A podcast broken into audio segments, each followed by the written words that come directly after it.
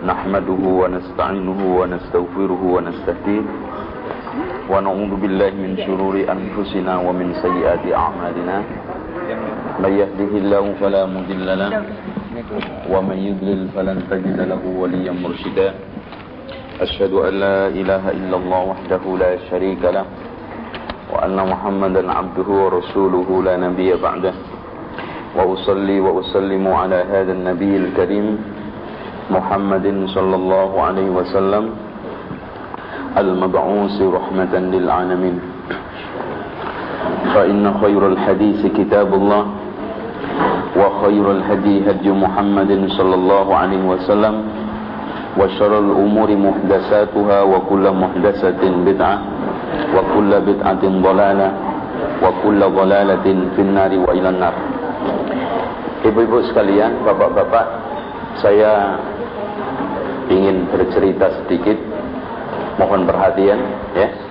Yang makan diterusin tapi nggak usah bunyi, gitu ya. E, orang Kristen sekarang ini sudah semakin nekat. Jadi saya kemarin dakwah di penjara, di penjara anak laki-laki itu sedang asik-asiknya ceramah saya disuguhi makanan. Eh, makanan snack ya kayak ini ditutupin pakai tisu. Saya tidak memperhatikan di atas tisu itu ada buku. Mak, bukunya nggak saya bawa. Bukunya judulnya dibalik begini. Jadi saya juga di saat itu lapar karena berangkat tadi itu belum sarapan. Udah makan lahap sekali. Sampai habis tinggal dua biji sama teman-teman. Setelah itu baru tahu buku. Di situ buku mengajak kepada penginjilan. Terus saya tanya kepada teman panitia, tadi antum yang nyediain makanan ini enggak usah innalillahi wa inna Ini dari orang Kristen ini. Jadi kita dihina, nih loh Kristen datang membawa rahmat gitu. Di atas bukunya untuk yang membawa dakwah Islam. Jadi dari situ hadirin sekalian saya juga sudah nemui dua kali ketika saya ngaj pergi ngaji ke SM S, STM 55 ngamen juga begitu lagu-lagu rohani bukan minta duit bagi-bagi buku itu intinya apa yang dikatakan di jurnal Islam itu eh, tidak tidak mengada-ada ya. Makanya umat Islam juga harus waspada. Semakin nekat. Karena dananya semakin besar. Gitu ya. Makanya saya minta ya eh, Bina Uhuwah ini nanti punyalah seperti kalau kelompoknya Islam liberal itu kan punya pesan itu di buku kecil buletin juga enggak buku juga enggak kecil. Judulnya pesan itu. Itu bagus sekali sangat efektif. Itu miliknya Islam Islam liberal itu. Yang ngisi-ngisi itu kan Islam liberal semua itu. Semua agama benar itu. Yang punya sih Pak Amidan. Pak Amidan itu orang Mui. Tapi kan dia itu yang punya. Yang penting kan yang ngisi itu. Nah, punya seperti itu ditulis dengan bahasa yang baik, yang nulis juga kita cari orang-orang yang berbobot dan banyak tulisan yang berbobot kok. Kita terbitkan per bulan satu dan tidak tidak banyak. Kita jual juga bisa. Itu kan ada agen-agen. Itu. Soalnya mau nggak mau bahwa buku itu efektif. Kita kalau dakwah ngomong terus begini susah bersaingnya nggak nggak nyampe gitu. Makanya harus juga dibantu ditunjang dengan buku tulisan. Soalnya sekarang ini perang peradaban itu ditulisan. Mari kita memasuki firman Allah Maliki Yaumiddin. Nggak apa-apa sedikit mengulang pelajaran kemarin karena saya lihat banyak yang nggak ikut. Hadirin sekalian, Maliki Yaumiddin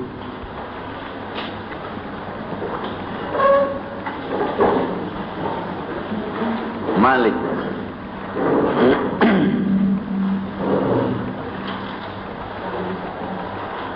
Menurut kebanyakan para ulama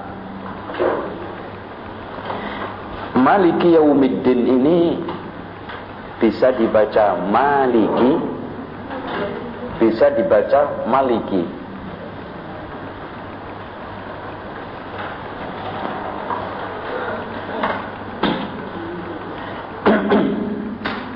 Jadi Maliki sama Maliki Dua-duanya kiraatul jumhur Bacaan ulama ahli sunnah wal jamaah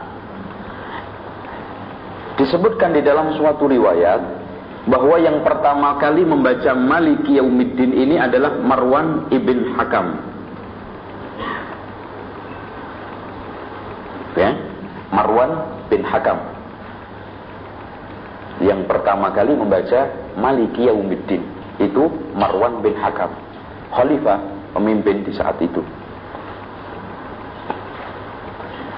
Namun di sini dinyatakan oleh uh, ahlul qurra bahwa dua-duanya ini kiroahnya sah. Anda bisa membaca Maliki Yaumiddin, bisa membaca Maliki Yaumiddin. Sudah cukup ya. Kita masih membahas seputar masalah Malik. Di dalam hadis Rasulullah Sallallahu Alaihi Wasallam disebutkan Inna akhna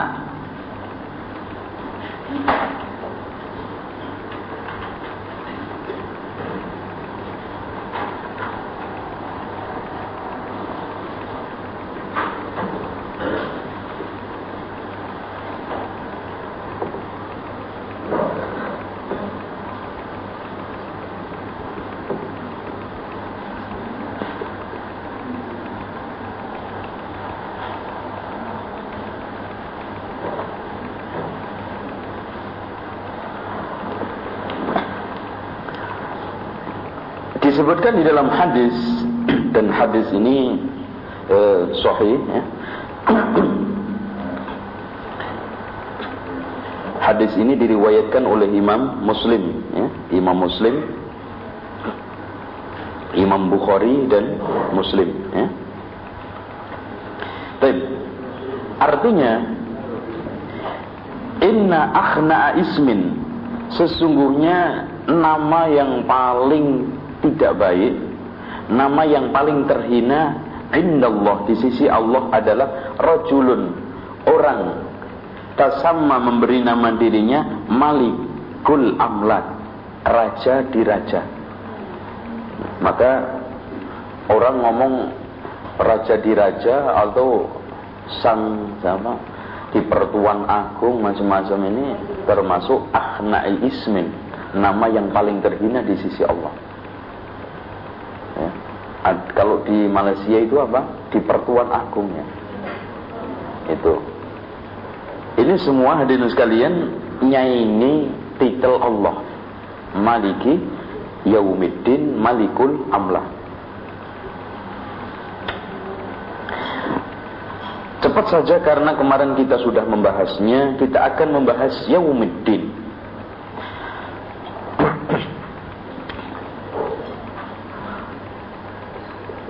Yaum tidak usah kita pelajari tafsirnya. Yang dimaksud yaum di sini adalah yaumul kiamah. Sampai sekarang kita tidak tahu berapa ukuran persisnya satu hari di hari kiamat. Intinya inna yauman indallahi ini ka'alfi sanatin mimma ta'udun. Satu hari itu sama dengan seribu tahun yang kamu hitung di dunia. Jadi kalau sekarang ini masuk neraka satu hari itu sudah nggak bisa dihitung. Lah kita hidup di dunia nggak ada 70 tahun nih. Maka sering saya katakan pada orang-orang yang suka bisnis dan pinter bisnis itu. Mbok sekarang ini sekali-kali dibuat ngitung akhirat. Ya sekarang ini kan Ndak untung orang hidupnya cuma 70 tahun, masuk nerakanya 200 tahun. Itu kan rugi. Modalnya 70, utangnya 200 juta. Ini jangan mundur. Pak jangan bisnis diterusin ya Pak itu jangan. Mundur aja. Itu ya. Hadirin sekalian, ad-din menurut arti bahasa banyak ulama mengartikan ad-din ini beberapa arti. Yang pertama, ad-din itu bisa berarti al-hisab wal jaza. Hisab dan pembalasan. Seperti di dalam firman Allah ini. Atau seperti yang ada di dalam hadis Nabi, Al-kayyisu man dana nafsahu wa amila lima ba'dal maut. Al-kayyisu di situ kayaknya sudah ada yang tafsir ya. Al-kayyisu orang yang cerdas itu mandana. Maksudnya dana ya dinudin di situ adalah hasaba yuhasibu, menghisap, mengevaluasi. Makanya di sini arti yaumuddin hari evaluasi. Yaumuddin hari balas membalas. Sampai disebutkan di dalam suatu hadis nanti setelah melalui sirot, melalui titian, ya, e, nanti kalau memang ibu-ibu ingin mendengarkan kaset rekaman rintangan setelah kematian, ini saya sudah menyelesaikan rekaman dari mulai sakaratul maut, terus kemudian kuburan, terus kemudian kebangkitan, mahsyar, terus timbangan, hisab, sampai nanti orang diajak bicara oleh Allah satu persatu.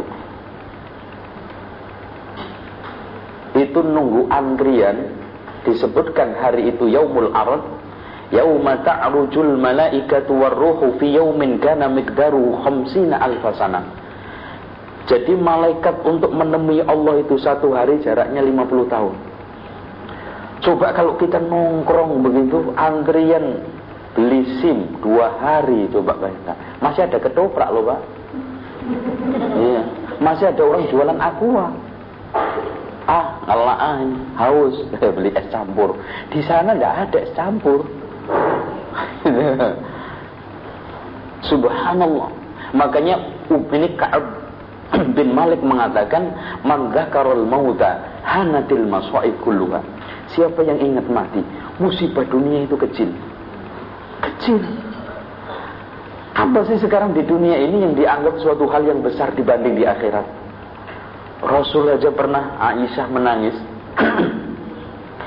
ketika Rasulullah bercerita tentang masalah neraka nangis. Tanya, wahai Aisyah kenapa? Apa yang membuat kamu menangis? Ya Rasulullah, ya engkau menyebut neraka surga, ya kita sekarang kumpul. Apakah nanti Rasulullah masih ingat sama kita kita ini nanti di akhirat? Tuh coba nafsi-nafsi. Jangankan sekarang urusan suami istri, urusan anak itu yauma yafirrul mar'u min akhi wa ummihi wa abi. Yang dulu sayangnya setengah mati sama bapaknya sama ibunya. Ntar dulu, Pak, ya. Nanti urusannya. Yauma yafirrul mar'u min akhi wa ummihi wa abi wa sahibatihi wa bani. Yafir, apa artinya yafirru? Lari, dah nggak punya urusan.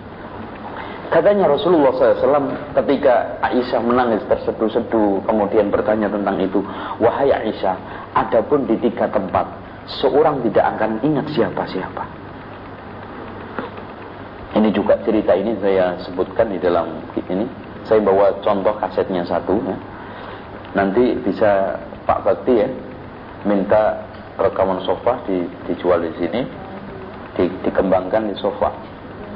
Ya.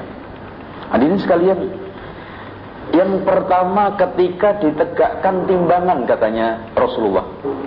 Orang tidak akan ingat siapa-siapa sebelum jelas sekarang ini yang berat baiknya atau yang berat buruknya. Udah.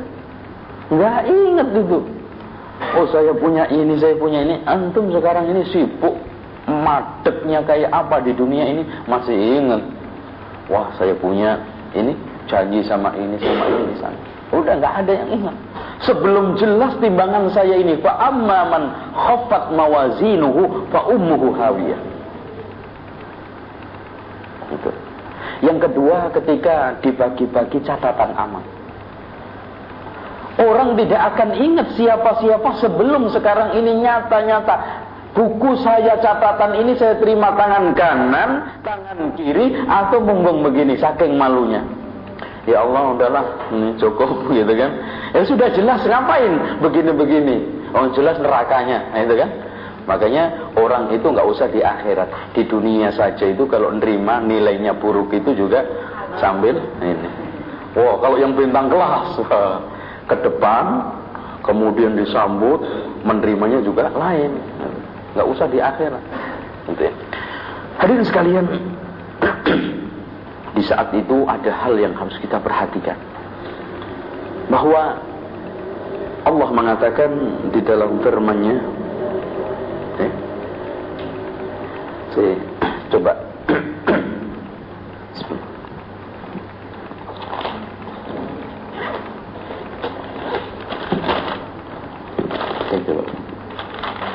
nggak bawa wah nggak bawa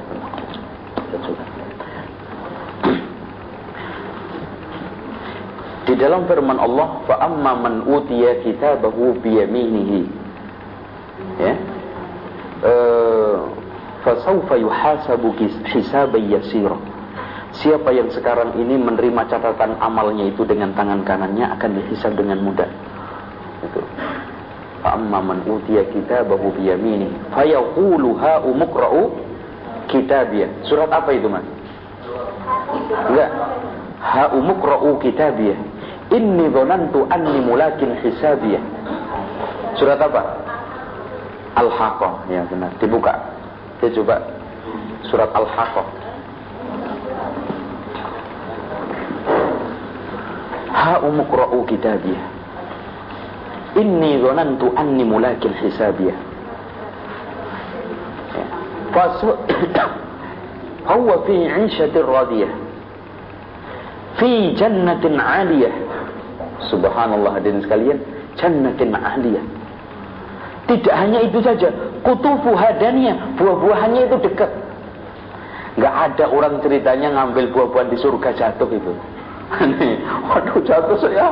Ini ada, ya deket. Mete sana pengen ampel pengen ini masya Allah. Butuh buhadan terus? Sudah ada yang ketemu? Terus dibaca? Kulu washrabu hani'an bima aslaftum fil ayyamil khaliyah. Makan minum silakan. Itulah balasan dulu yang kamu perbuat di di dunia. Aslaftum fil ayyamil khaliyah. Terus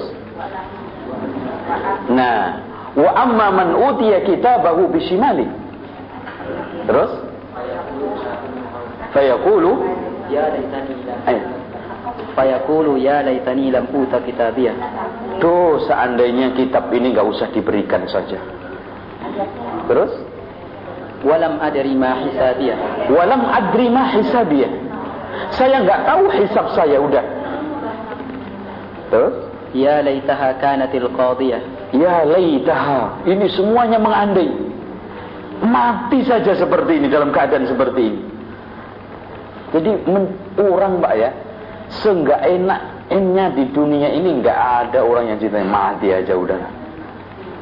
Mati. Ya laitaha kanatil qadiyah.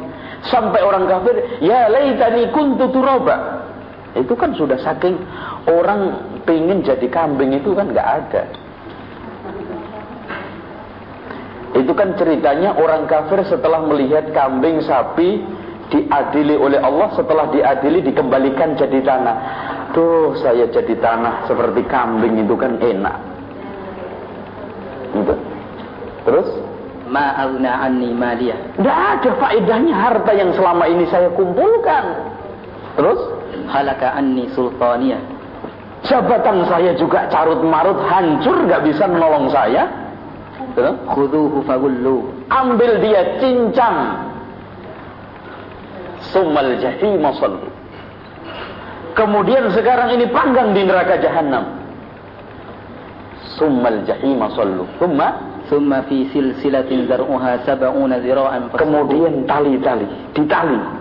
Talinya itu panjangnya 70 hasta. Kayak kepiting gitu kok. Coba bayangkan ibu dijeburkan neraka, ditali nggak bisa pegangan apa-apa itu ngelun ini jatuhnya sampai nggak karu-karuan. Subhanallah, itu ditukar di dunia dengan kenikmatan sesaat itu loh manusia. Terus innahu kana la yu'minu billahil azim. Itu sebabnya. Kenapa dia dimasukkan ke neraka? Kenapa dipanggang di neraka? Kenapa ditali sampai panjangnya talinya itu 70 hasta? Kemudian dilempar ke neraka. Innahu la yu'minu billahil azizil billahil azim. Karena tidak beriman kepada zat Allah yang maha agung. Iman masalahnya. Ini yaumuddin. Terus kemudian ketika ini ceritanya masih Aisyah yang nangis terseduh-seduh tadi, yang ketiganya. Wahai Aisyah yang ketiganya ketika meniti titian Tidak ada yang seorang pun ingat siapa-siapa Sebelum aman lenteng nyampe pada tujuannya. Sebelum itu masih deg-degan Stres tegang. Rasul aja nggak ingat istrinya Apalagi kita. Ponakannya Rasul aja nggak. Hidungnya juga nggak mirip kan gitu. Apalagi nilai imannya Rasul tidak ingat siapa-siapa. Hatta Rasulullah Shallallahu Alaihi Wasallam juga, apatah kita? Makanya dan sekalian, saya ingin cerita Yaumul Ard. Yaumul Ard itu hari masing-masing manusia ini Muslim kafir diajak bicara oleh Allah. Subhanallah ada hadis. Hadis ini Yaumul Ard. Eh, tulisannya gini. Eh.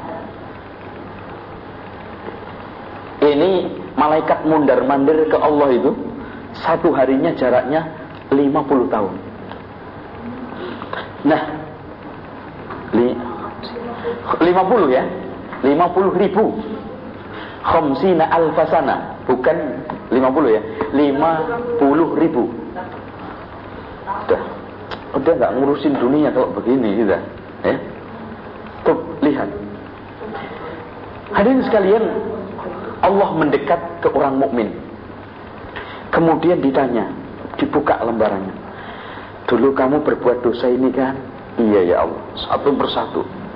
Semua dibuka. Hatta ini yukirruhu bidunubihi. Dia mengakui seluruh dosanya. Ra'a annahu qad halak. Melihat dirinya pasti hancur masuk neraka. Kemudian dikatakan. Qad satartuha fid dunya wa aghfiru lakal yauma. Dulu di dunia semuanya saya tutupi dosa kamu itu. Gimana kalau sekarang saya ampuni? Masya Allah. Tidak ada orang yang paling gembira ketika itu seluruhnya dosa ditunjukkan kemudian dikatakan gimana kalau saya ampuni? Udah disebutkan sebelum itu ya Bu ya proses diajak bicara itu tidak melihat ke arah kanannya amalan-amalan yang dia amalkan juga sudah jelas. Ke arah kirinya dosanya juga jelas depan neraka. Fatakun nara walau bisyikki tamrotin katanya Rasulullah. Takutlah terhadap neraka walaupun secuil kur dengan secuil kurma. Sodakoh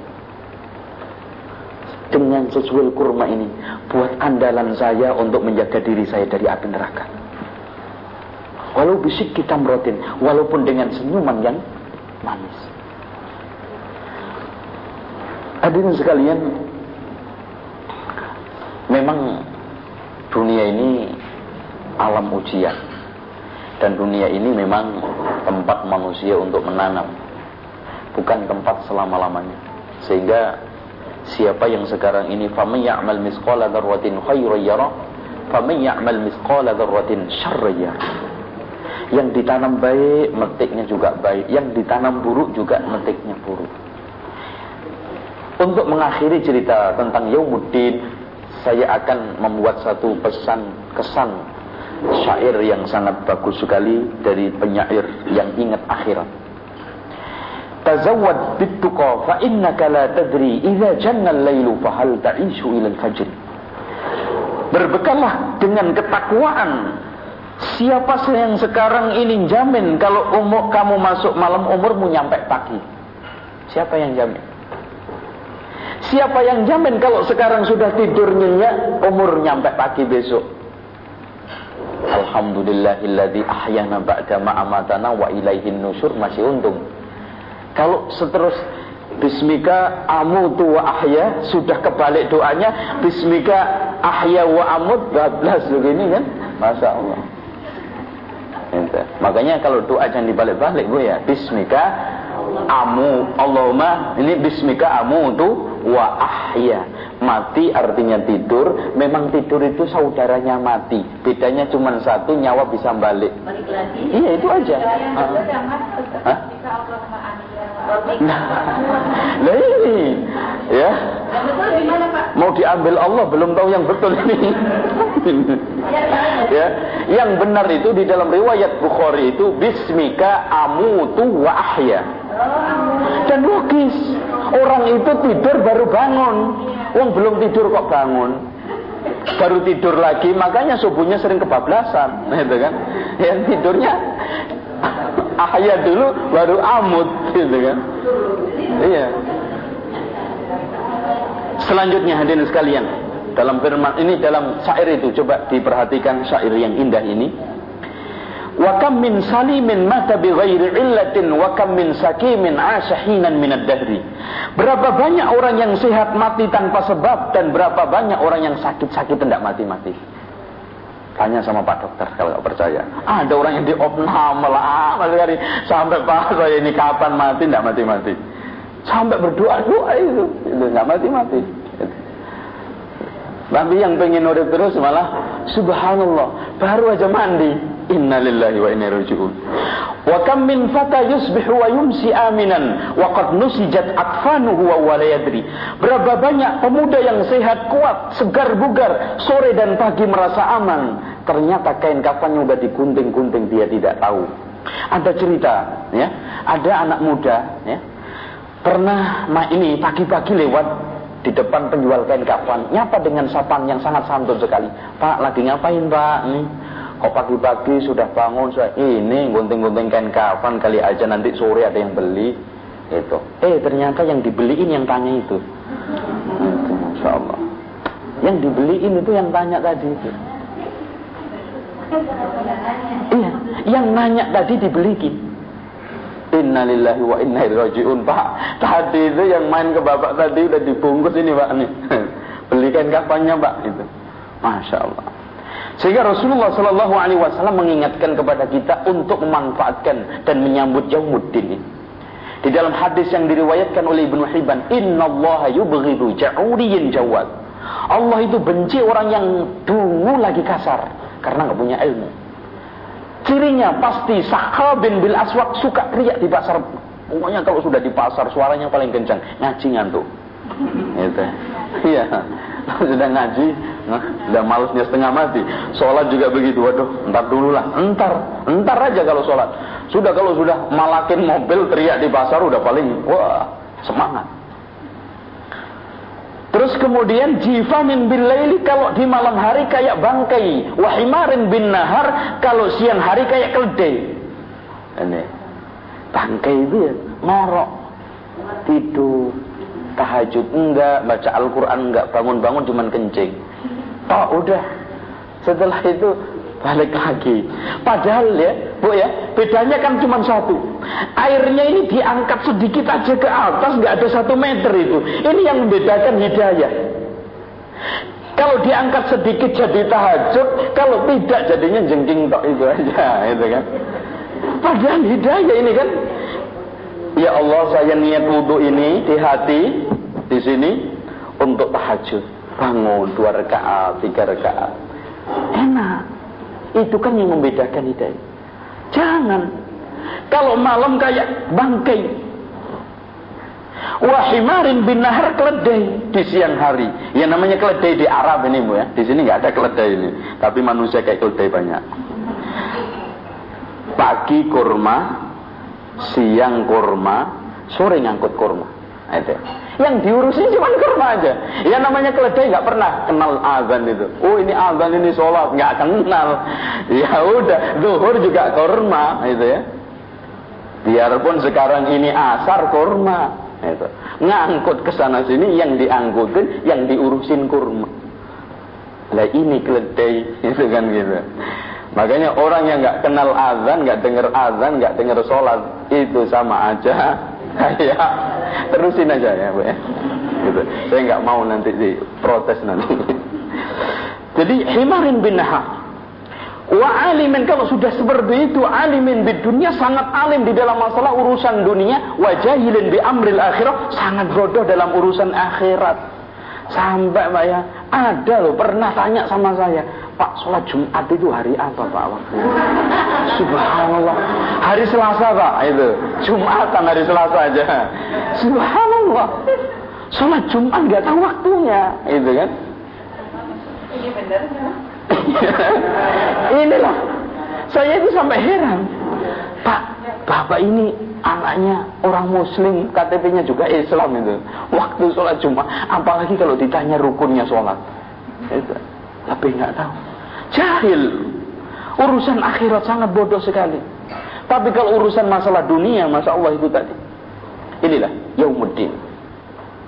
Sehingga tidak ada paling baik kecuali kita ini mempersiapkan kematian bukan sering tidur di kuburan ya, ya. siap-siap mati itu sering tidur di kuburan tidak tidak ada itu ada cerita katanya ada seorang ulama itu bikin bikin kuburan di rumahnya lu lagi lupa lalai begitu tidur di kuburan biar ingat tidak benar juga Enggak, enggak begitu juga kalau kita membaca ayat ya, mengamalkan ini sunnah-sunnah insya Allah. Ya. Intinya terakhir kematian enggak ada pendaftarannya, kematian enggak ada formulirnya ya Bu ya. Jadi jadi enggak usah ini ya. Mati enggak ada formulirnya. saya daftar, ntar dulu aja saya enggak gitu. Enggak ada, enggak pakai formulir. Ya. Hadirin sekalian, kita lanjutkan makna daripada ad-din menurut ulama. Tadi dikatakan yaumuddin itu al-hisab wal jaza dan penjelasannya sekitar masalah al-hisab wal jaza itu.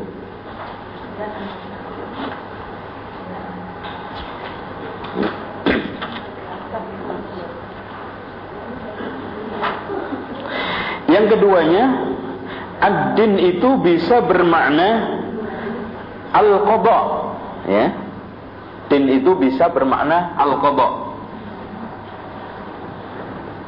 apa artinya qadha itu Pak pengadilan hakim atau putusan atau produk hukum makanya di sini disebut ini dikatakan di dalam surat Yusuf ayat 76 Coba dibuka di dalam surat Yusuf ayat 76. Maka khuda akahu fi dinil malik.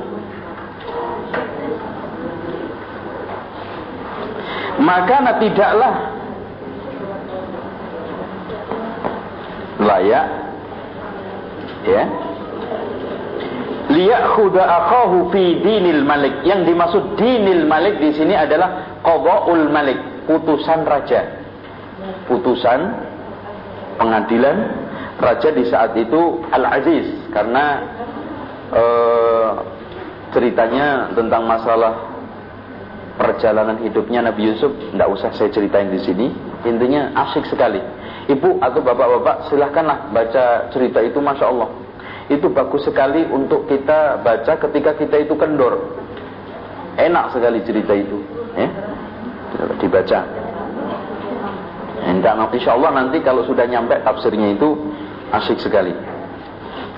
Mudah-mudahan nyampe. Soalnya Fatih, Fatihah aja sudah berapa kali nih nggak nyampe-nyampe. Kemudian hadirin sekalian, din itu bisa bermakna al-mulku was sultan, kerajaan dan kekuasaan.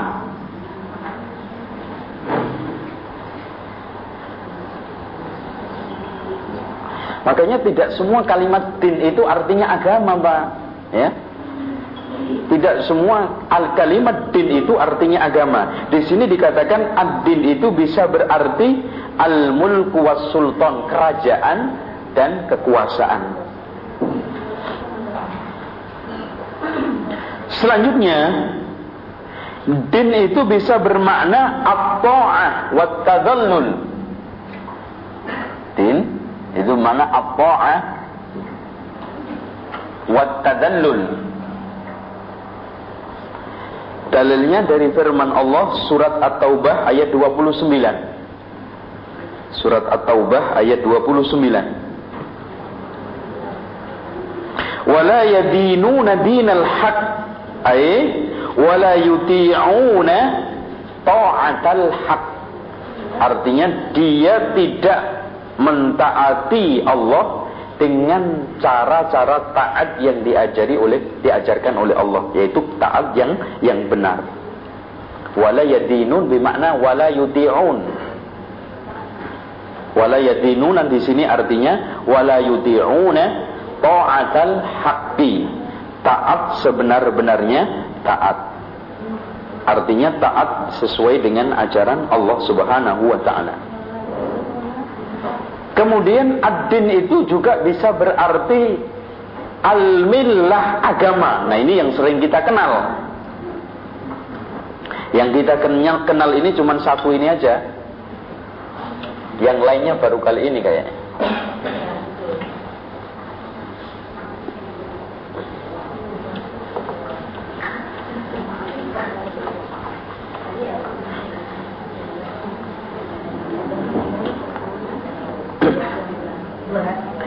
Al-millah artinya agama.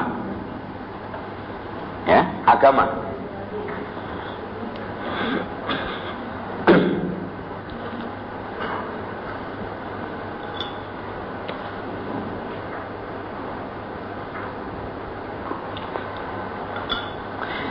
Selanjutnya hadirin sekalian, din itu bisa bermakna asyasah. Siasah itu politik.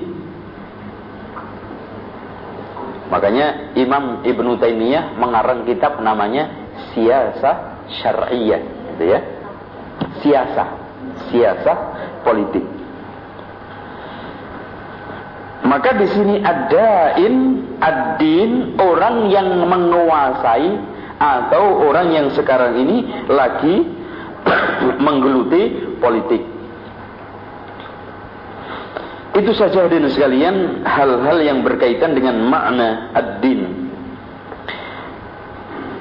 Hadirin sekalian, Malik Yaumiddin disebutkan di dalam sabda Rasulullah, "Yaqbidullahu al-arda yaumal qiyamah." Nanti Allah menggenggam bumi di hari kiamat.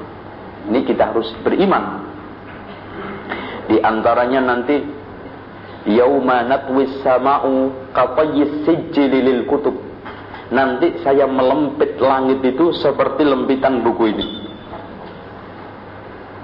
makanya hadirin sekalian disebutkan di dalam hadis Rasulullah itu besarnya kursi Allah dibanding dengan langit yang tujuh itu seperti tujuh dirham dilempar di tempayam atau di, di apa? Tampah. Tampah, nampah ya Nampaknya ini kursi Allah, langit yang tujuh ini dirham yang kepingan itu. Umpama kursi Allah dengan arasnya, kursi aras besarnya, kursinya ini kayak rantai dilempar di padang pasir. Jadi kalau ibu diceritain di dalam Al-Quran Jannatun arduhas samawatu wal ardu. Surga luasnya selangit dan sebumi. Uiddat lil mutakin itu jangan geleng-geleng. Soalnya ukurannya kan rumah tipe yang sekarang ini. Itu. Gitu aja sudah jingkrak-jingkrak dapat tipe. Dijanjiin Allah man bana lillahi masjidan banallahu lahu baitan fil jannah. Siapa yang sekarang ini bangun masjid akan dibangunkan rumah nanti di surga, nggak ngiler dijanjiin KPR BTN aja ngilernya setengah mati. Kan keliru itu. Nah ini.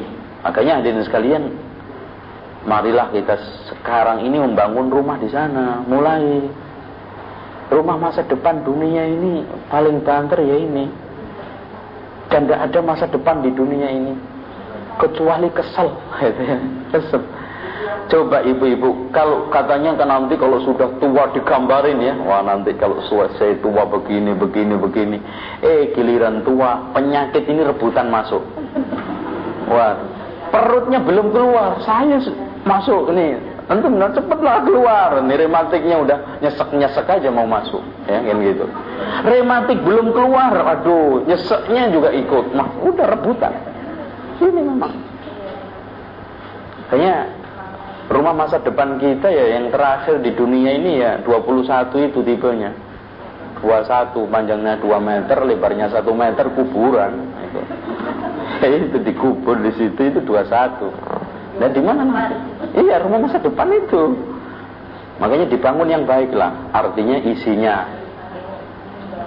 Nah, ini cerita ini, ada pernyataan dari Sahal bin Abdullah At-Tustari. Gak ada orang yang nekat mati kecuali tiga. Pertama, orang yang tidak tahu cerita setelah kematian. Dikiranya mati itu tidur aja ada. Eh, iya selesai udah. Maka ada syair mengatakan laukana uh, laukana mautu uh, subhanallah lau anna idza mitna turikna lakana al mautu ghayata kulli hayy. Kalau kematian dan setelah kita itu mati dibiarkan tidak ada urusan. Semua orang hidup ini tujuannya mati. Udah mati aja daripada dikejar-kejar utang. Ya Mati aja daripada susah-susah terus. Kalau seandainya kematian setelah mati ini tidak ada apa-apa, kematian itu menjadi tujuan semua orang, mati. Sudah. Eh, yang paling enak itu mati buat manusia itu. Walakinna idza mitna bu'isna kalau kita meninggal dibangkitkan wa su'ilna an kulli syai'in kemudian diajukan pertanyaan segala sesuatu. Ini pertama. Makanya lihat aja Bu, orang yang nggak kenal akhirat, nggak tahu cerita kematian, nekat mati. Itu, nekat. Mati itu dianggapnya ini. Yang keduanya orang yang nggak percaya takdir, itu. Kayaknya suka bunuh diri. Dikiranya kalau sudah bunuh diri lenyap nyawanya beres sudah. Nggak percaya sama takdir Allah. Yang ketiganya orang yang pingin segera ketemu Allah. Satu dua buruk yang terakhirnya baik. Oh, kalau sudah kita melihat cerita orang yang sudah kepingin ketemu Allah itu, masya Allah.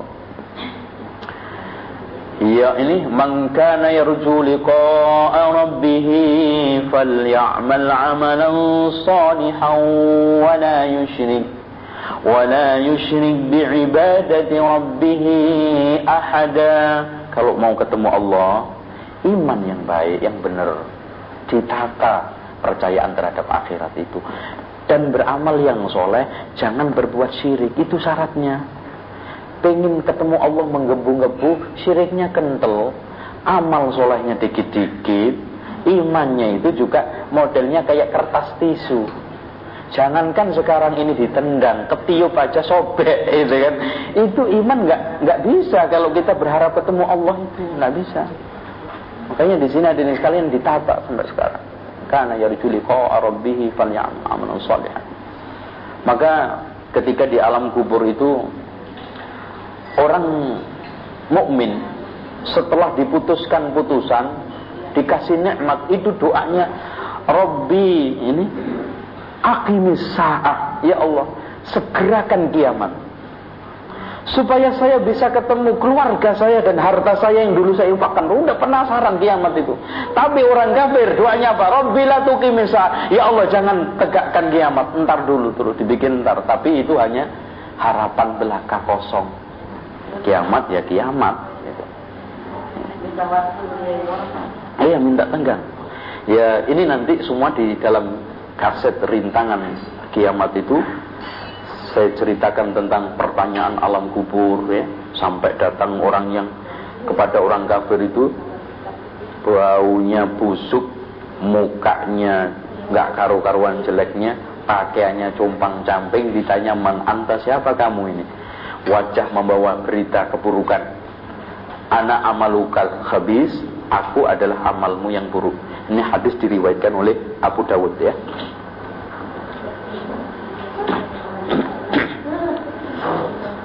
Sudah ya Bu ya tentang Maliki Yaumiddin.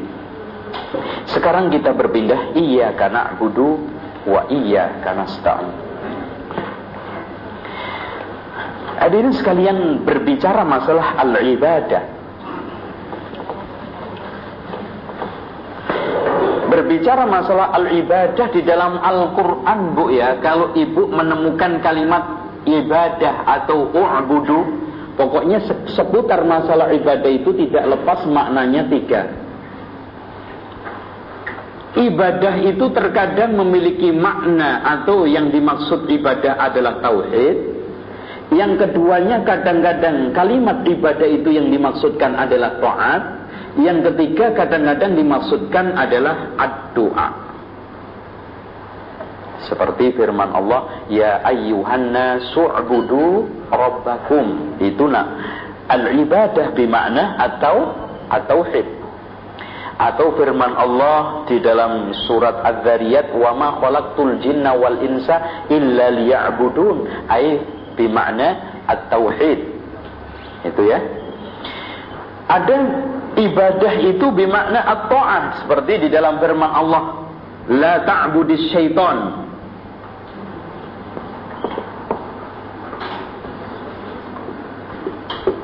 La ta'budis syaitan. Innahu ini la ta'budis syaitan. Janganlah kamu mengabdi taat la ta'budu as-syaitan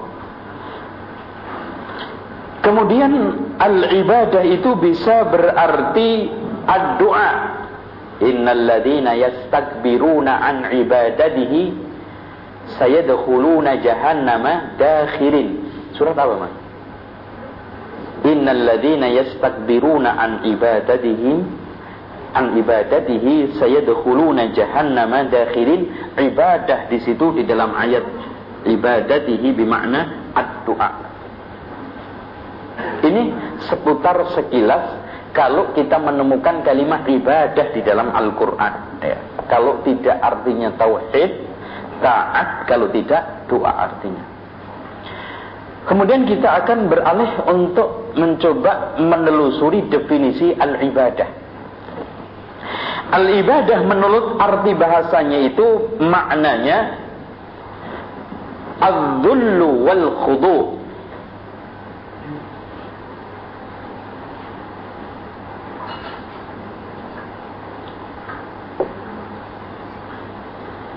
Maka Ibnu Katsir di dalam di dalam e, kitab itu tafsirnya bahwa ibadah itu ghayatu.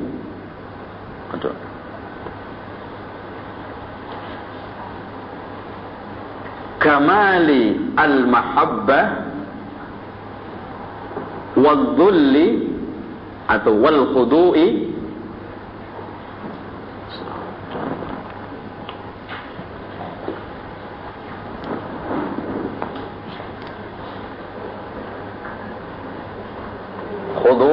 wal khawfi. Jadi ibadah itu nilai kesempurnaan titik kelima kesempurnaan mahabbah kecintaan al khudu ketundukan al khawfu rasa takut artinya puncak cinta puncak ketundukan dan puncak rasa takut kepada Allah itu kalau dirangkum artinya di sini ini al ibadah maka kalau tidak ada unsur ini ketika kita ibadah, ibadahnya itu nol.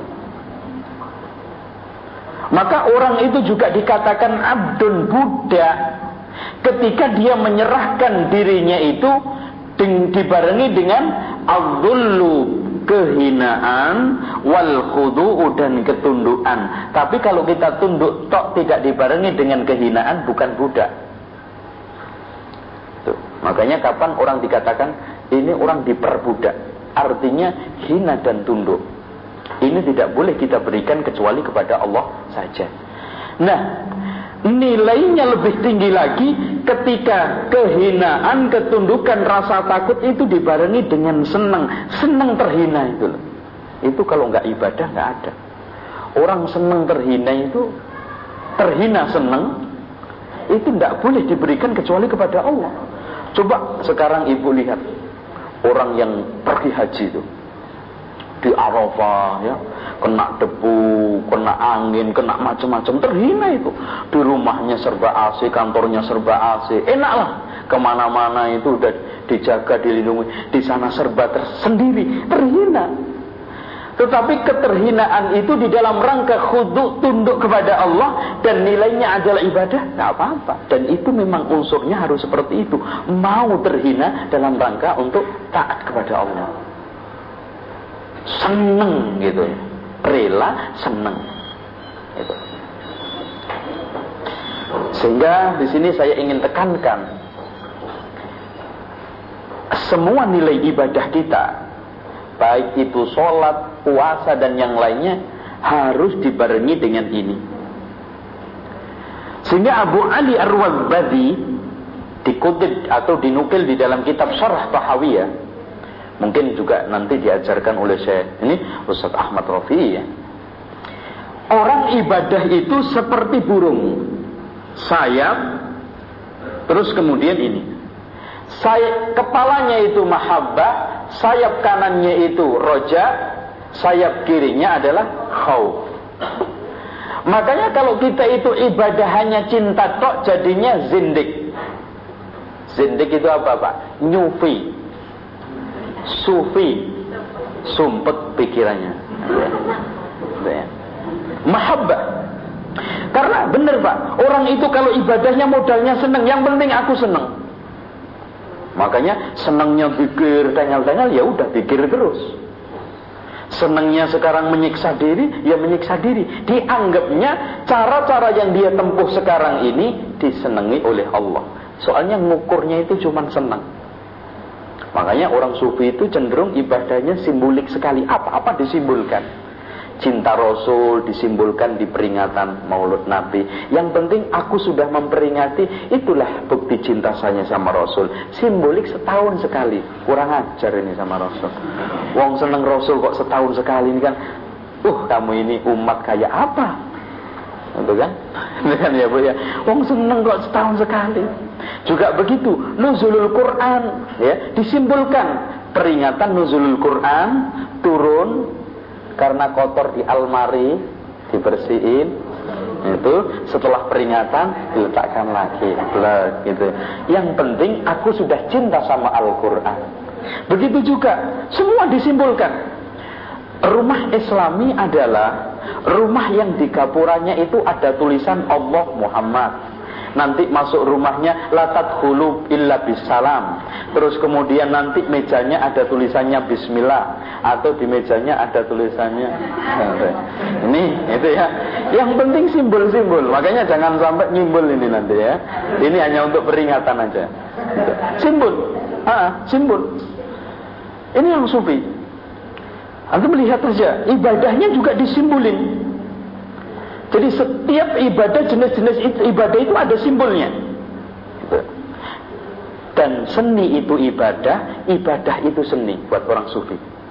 Makanya kita membedakan di depan orang sufi mana seni, mana ibadah itu nggak bisa. Karena ibadah itu juga nyeni, nyeni itu ibadah. Kayaknya lihat aja sholatnya, mau sholat aja gandangan kur. Allahumma so terus nanti setelah itu, oh pokoknya nyeni aja lah. Ini orang sufi. Makanya jangan seperti itu. Nah al-khawf nanti kalau ibadah kita itu hanya modal takut saja jadi orang khawarij. Khawarij itu cenderung mengkafirkan setiap orang yang berbuat dosa besar. Karena nggak melihat hadis-hadis nas-nas yang berkaitan dengan rojak harapan. Pokoknya dibikin orang itu putus harapan. Takut terus, udah neraka sekali neraka, udah neraka itu selamanya. Khalidina fiha abada. Yang kedua, yang ini siapa yang sekarang ibadah modalnya itu cuman pakai rojak saja, berharap saja, jadi murjiah. Murjiah itu yang penting iman pasti masuk surga. Tentang masalah maksiat itu nggak mengganggu iman. Maksiat nggak maksiat sama saja kok. Fir'aun itu juga mukmin iblis apalagi itu kan. Waduh kalau sudah begini repot. Seperti wahdatul wujud orang yang tauhidnya paling tinggi itu Fir'aun. Karena sudah bisa mengatakan ana rabbukumul a'la. Saya Tuhanmu yang paling tinggi. Orang wahdatul wujud manunggaling kawula Gusti itu kan saya Allah Allah itu saya. Seperti Abu Yazid Al Bustami pernah di ini ditanya e, siapa engkau Yang ada di dalam jubah saya ini adalah Allah. Ini saya. Pernah dia sholat di biara. Memang orang sufi itu orang nyeleneh-nyeleneh. Sholat di biara. Sholat itu di biara. Dipanggil Yazid uh, Abu Yazid Al Bustami ada nggak di situ? Nggak ada. Yang ada itu Allah. Gitu kan? Pernah juga dia lewat sama ini berjalan sama Asyirazi. Semua yang ada ini Allah bener intinya kini seperti itu iya. Kambing kudisen yang mati ini juga Allah iya. Ya, subhanallah. Jadi manunggaling kawula Gusti ini artinya semua yang ada yang wujud ini Allah. Gitu ya. Ini Al-Hallaj, Ibnu Arabi, Abu Yazid Al-Bustami ini tokohnya seperti Ilah. Atau Ilah ini juga sama wahdatul wujud. Jadi hadirin sekalian, lah bagaimana yang benar di dalam ibadah itu? Siapa yang ibadah dengan model mahabbah, rojak, khauf menjadi satu, dialah muwahhidun ahli tauhid yang benar. Maka ibadah itu tiga-tiganya ini kalau ingin terbang dengan seimbang. Kalau burung nggak ada kepalanya bagaimana? Apalagi sayapnya cuma satu. Itu. Makanya di sini harus tiga-tiganya. Al-ibadah. Hadirin sekalian, di sini ada pembahasan asyik sekali dari Abu Hamid Al-Ghazali. Iya karena budu wa iya karena stain dan nanti kita akan padukan dengan pendapatnya Syekhul Islam Ibnu Taimiyah.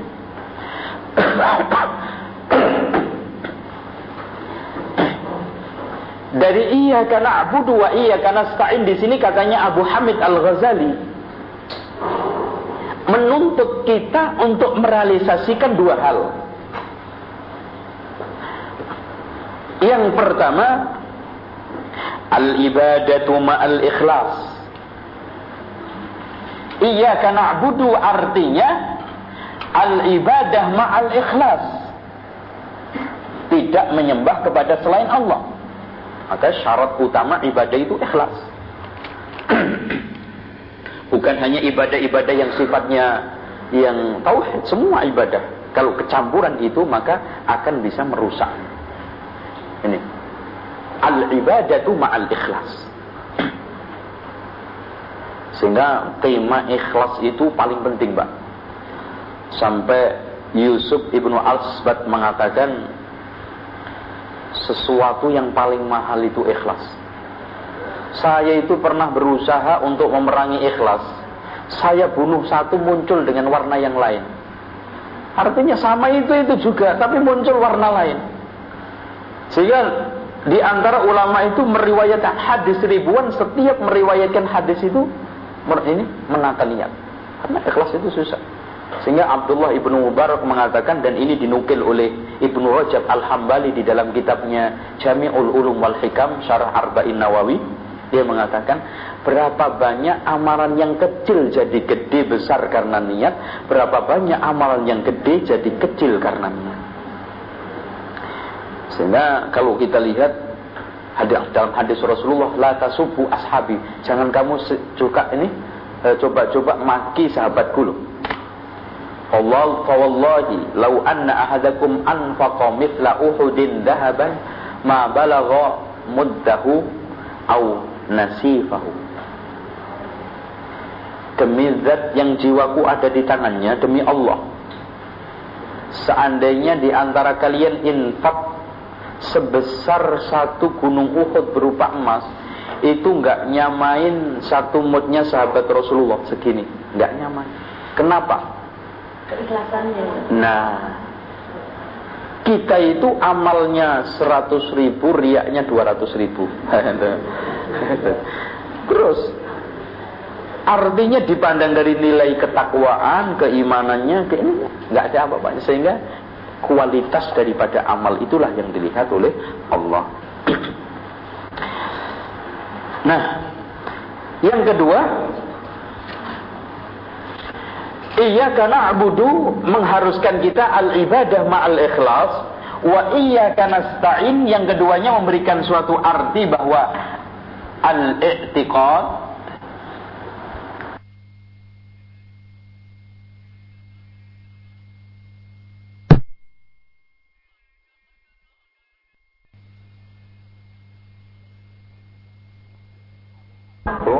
Abu Hamid Al-Ghazali yang punya kitab Ihya Ulumud Ulumuddin.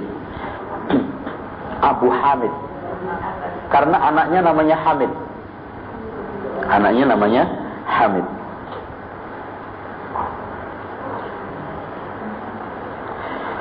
Jadi iya karena abu dua iya karena kita padukan dengan makna ini pendapatnya Syekhul Islam Ibnu Taimiyah katanya Ibnu Qayyim Al-Jauzi. Saya sering sekali mendengar Syekhul Islam Ibnu Taimiyah mengatakan iya karena abudu mengajak kita untuk memurnikan ibadah wa iya karena stain membebaskan diri kita dari kesombongan-kesombongan. Artinya iya karena abudu ikhlas murni menunjukkan semua ibadah karena Allah. Wa iyyaka nasta'in memurnikan tawakal kita kepada Allah ketergantungan murni kepada Allah. Tidak sombong. Sehingga orang sudah kalau sudah iya karena budu wa iya karena nasta'in ibadahnya baik sama Allah di dalam dunia ini sama manusia juga baik. Maka Syekhul ini Ibnu Qayyim Al-Jauzi ngarang kitab gedenya itu sampai tiga jilid khusus bahas iya karena budu wa iya karena sta'into yaitu judulnya kitab Madarijus Salikin. Itu. Masya Allah kalau kita iya karena budu wa iya karena sta'in. Memang dikatakan oleh Al-Qurtubi Pak kemarin itu di dalam pembahasan ini bahwa surat Al-Fatihah ini lautan ilmu semua ilmu di Al-Quran ada di dalam surat Al-Fatihah. Nah, setelah sedikit ini terus kita tutup. Ya. Ya. Bukan selesai ya. Istirahat. Ada hal yang harus kita sambung. Ya. Berarti di sini hadirin sekalian. Orang kalau sudah iya karena abudu wa iya karena itu lurus baik, maka menjadi hamba Allah yang Subhanallah. Hamba iya karena abu dua iya karena stain. Sampai di dalam suatu riwayat Rasulullah itu ber, berdoa. Itu. Sering berdoa ini. Itu.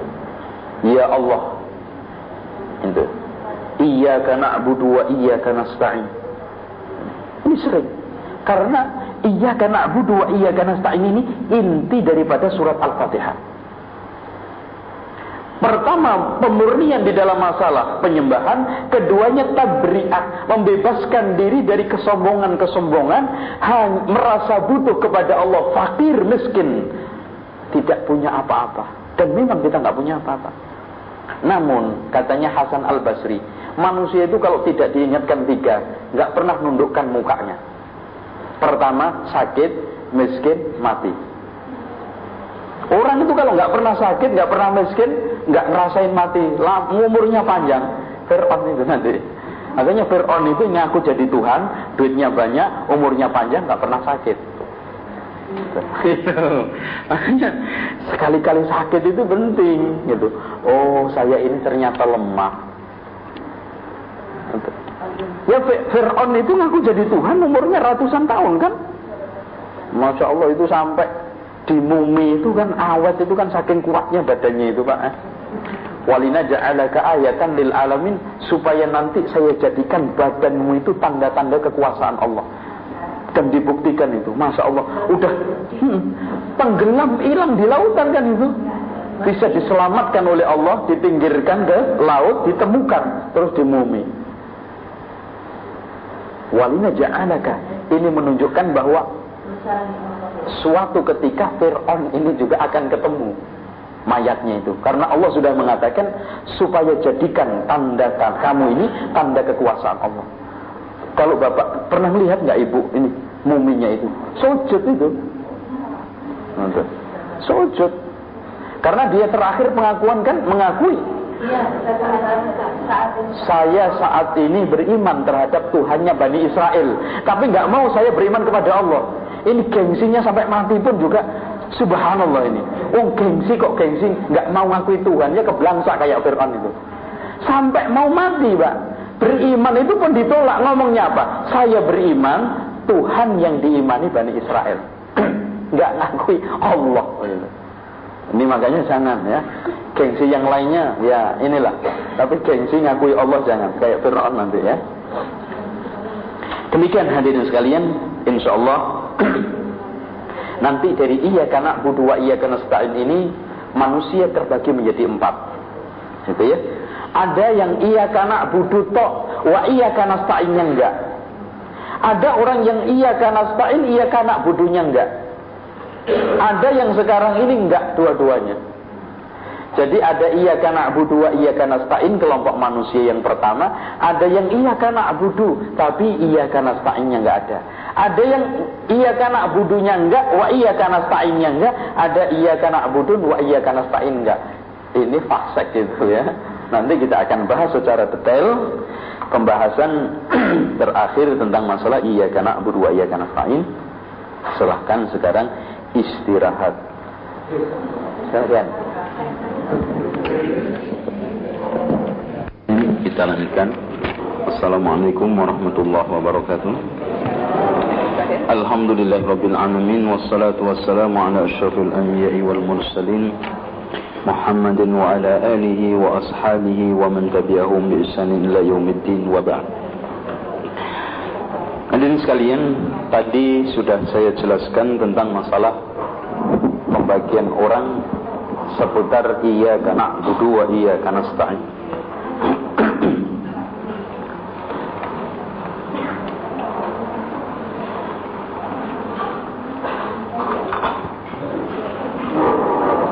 Di hadapan iya karena budu wa iya karena stain manusia terbagi menjadi empat. Yang pertama orang bisa menyempurnakan iya karena na'budu wa iyyaka nasta'in.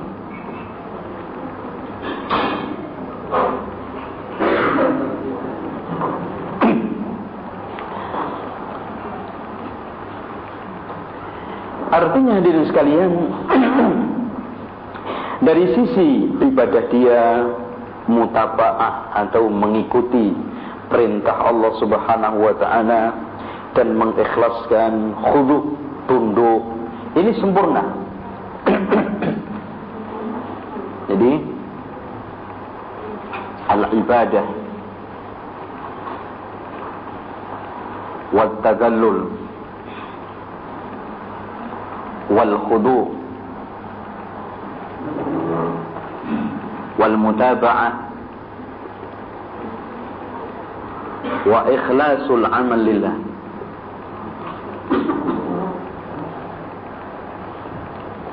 Jadi dari sisi dari sisi dia itu ibadahnya, ketundukannya, ya, kemauan dia untuk mengabdi kepada Allah, mengikuti perintah-perintahnya, ikhlas dan mengikhlaskan amal kepada Allah Subhanahu wa taala ini beres.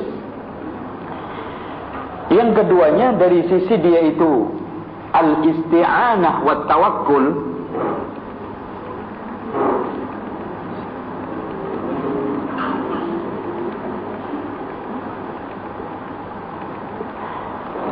dari isti'anah dia dan tawakal dia juga baik kepada Allah Subhanahu wa taala.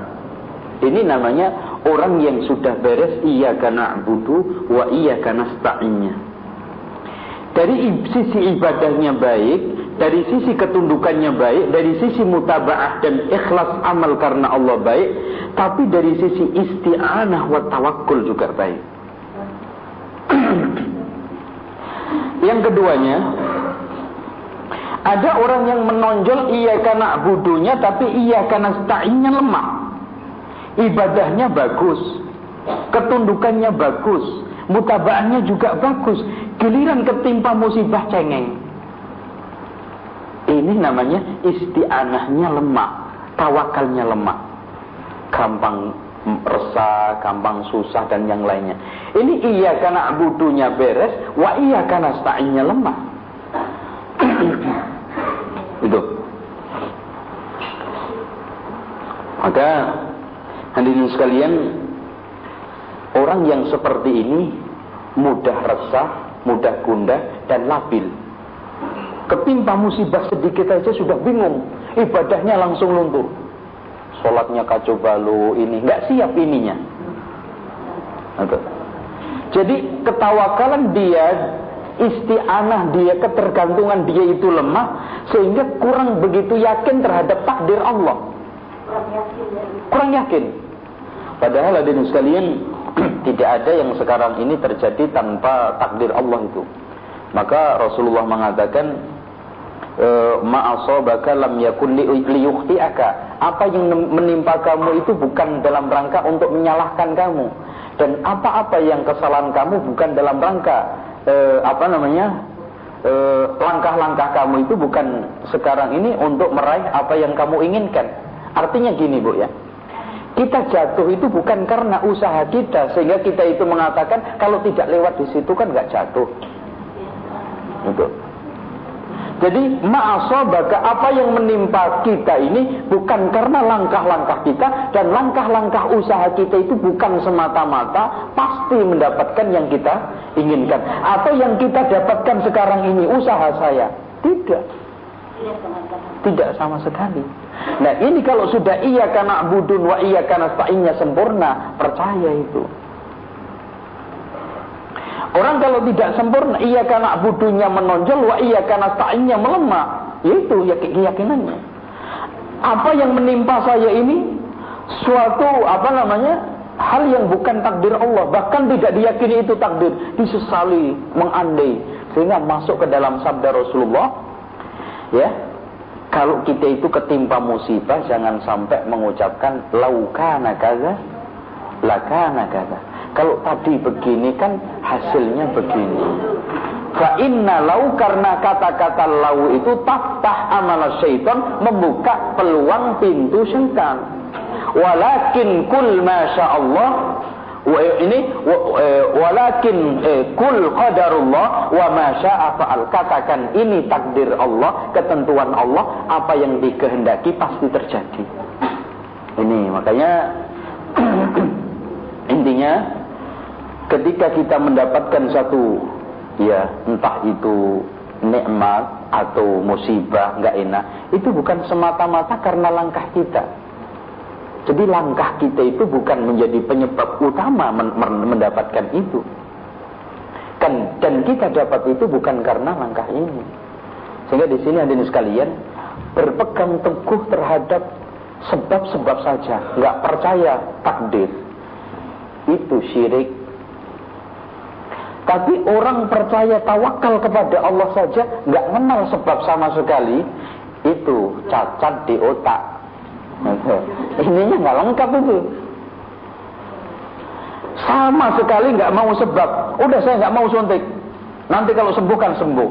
Itu cacat di dalam syariat. Itu. Makanya di sini harus dipadukan sebab oke okay kita kita lakukan, tapi jangan sampai ditiadakan sama sekali dari takdir Allah masyiatullah. Itu. Maka di sini percaya penuh sebab membuat cacat akidah yaitu syirik dia tidak mau sebab itu cacat di dalam otak meninggalkan sama sekali itu membuat cacat syariat. Syariat nggak ngajari itu gitu ada orang sakit nggak mau diobati. Nanti kan tawakal kalau sudah tawakal sembuh sendiri. Itu ada orang yang suka kenapa kamu nggak makan? Nanti kalau sudah ditakdirkan Allah sehatkan kenyang sendiri. Nggak usah makan. Nah ini nggak bisa. Maka ada orang, ada subhat ini Pak ya. Ada orang mengatakan, kenapa kita harus berdoa? Doa itu tidak ada faedahnya. Karena segala sesuatu itu sudah ditakdirkan oleh Allah. Nggak usah berdoa. Hadirin sekalian, takdir Allah itu ada dua macam. Takdir tanpa syarat, takdir dengan syarat. Ketentuan Allah tanpa syarat seperti menjadikan bumi kun fayakun. Itu murni. Tapi sekarang ini ada ketentuan-ketentuan Allah dengan syarat. Kamu punya duit, asalkan kerja. Kamu sehat, asalkan kamu dengan syarat kamu menjaga kesehatan. Kamu mau kenyang, makan. Kamu pinter, belajar. Itu namanya ketentuan Allah bisyartin. Termasuk kita di dalam kehidupan ini supaya berhasil, syaratnya di antaranya minta kepada Allah. Ini jangan kayak orang sufi itu, ya. keyakinannya itu kan semuanya ketentuan Allah. Kita udahlah tawakal, nggak usah berdoa, nggak usah ini. Semua ini sudah ditakdirkan oleh Allah. Ini jelas menyalahi agama. Jadi tetap doa itu ada faedahnya. Ada faedahnya. Bu ya, saya saya katakan. Mungkin ibu punya kadang-kadang suudon sama Allah. Saya berdoa terus kok nggak dikabulkan. Itu suudon. Dan dikatakan dalam hadis Rasulullah itu musta'jil. Orang yang tergesa-gesa dalam doa. Saya doa terus nggak dikabulkan. Udahlah berhenti saja. Pertama, camkan hadis Rasulullah. Mamin muslimin yad'u bi da'watin laysa fiha ismun wala qati'atu rahmin illa istajaballahu bi ihda thalathin. Tidaklah ada seorang muslim yang berdoa, tidak ada unsur dosa dan memutuskan silaturahmi, pasti dikabulkan satu di antara tiga. Tidak dikabulkan permintaan, ya Allah, saya minta rezeki lancar. Kasih, Masya Allah. Atau permintaan rezeki lancar ini dialihkan untuk menolak balak musibah. Ente pilih mana, dicium kereta atau duit 5 juta. Itu kan? Itu. Ente pilih yang mana? Truk apa 5 juta? Nah, itu dicoba disenggol truk atau pilih 5 juta. Ya Allah nggak usah lah 5 juta, truknya aja disingkirin. Jadi jangan suudzon. Kali saja sekarang doa yang kita panjatkan kepada Allah itu dibuat menangkis musibah-musibah yang mau menimpa kita. Dan itu banyak sekali.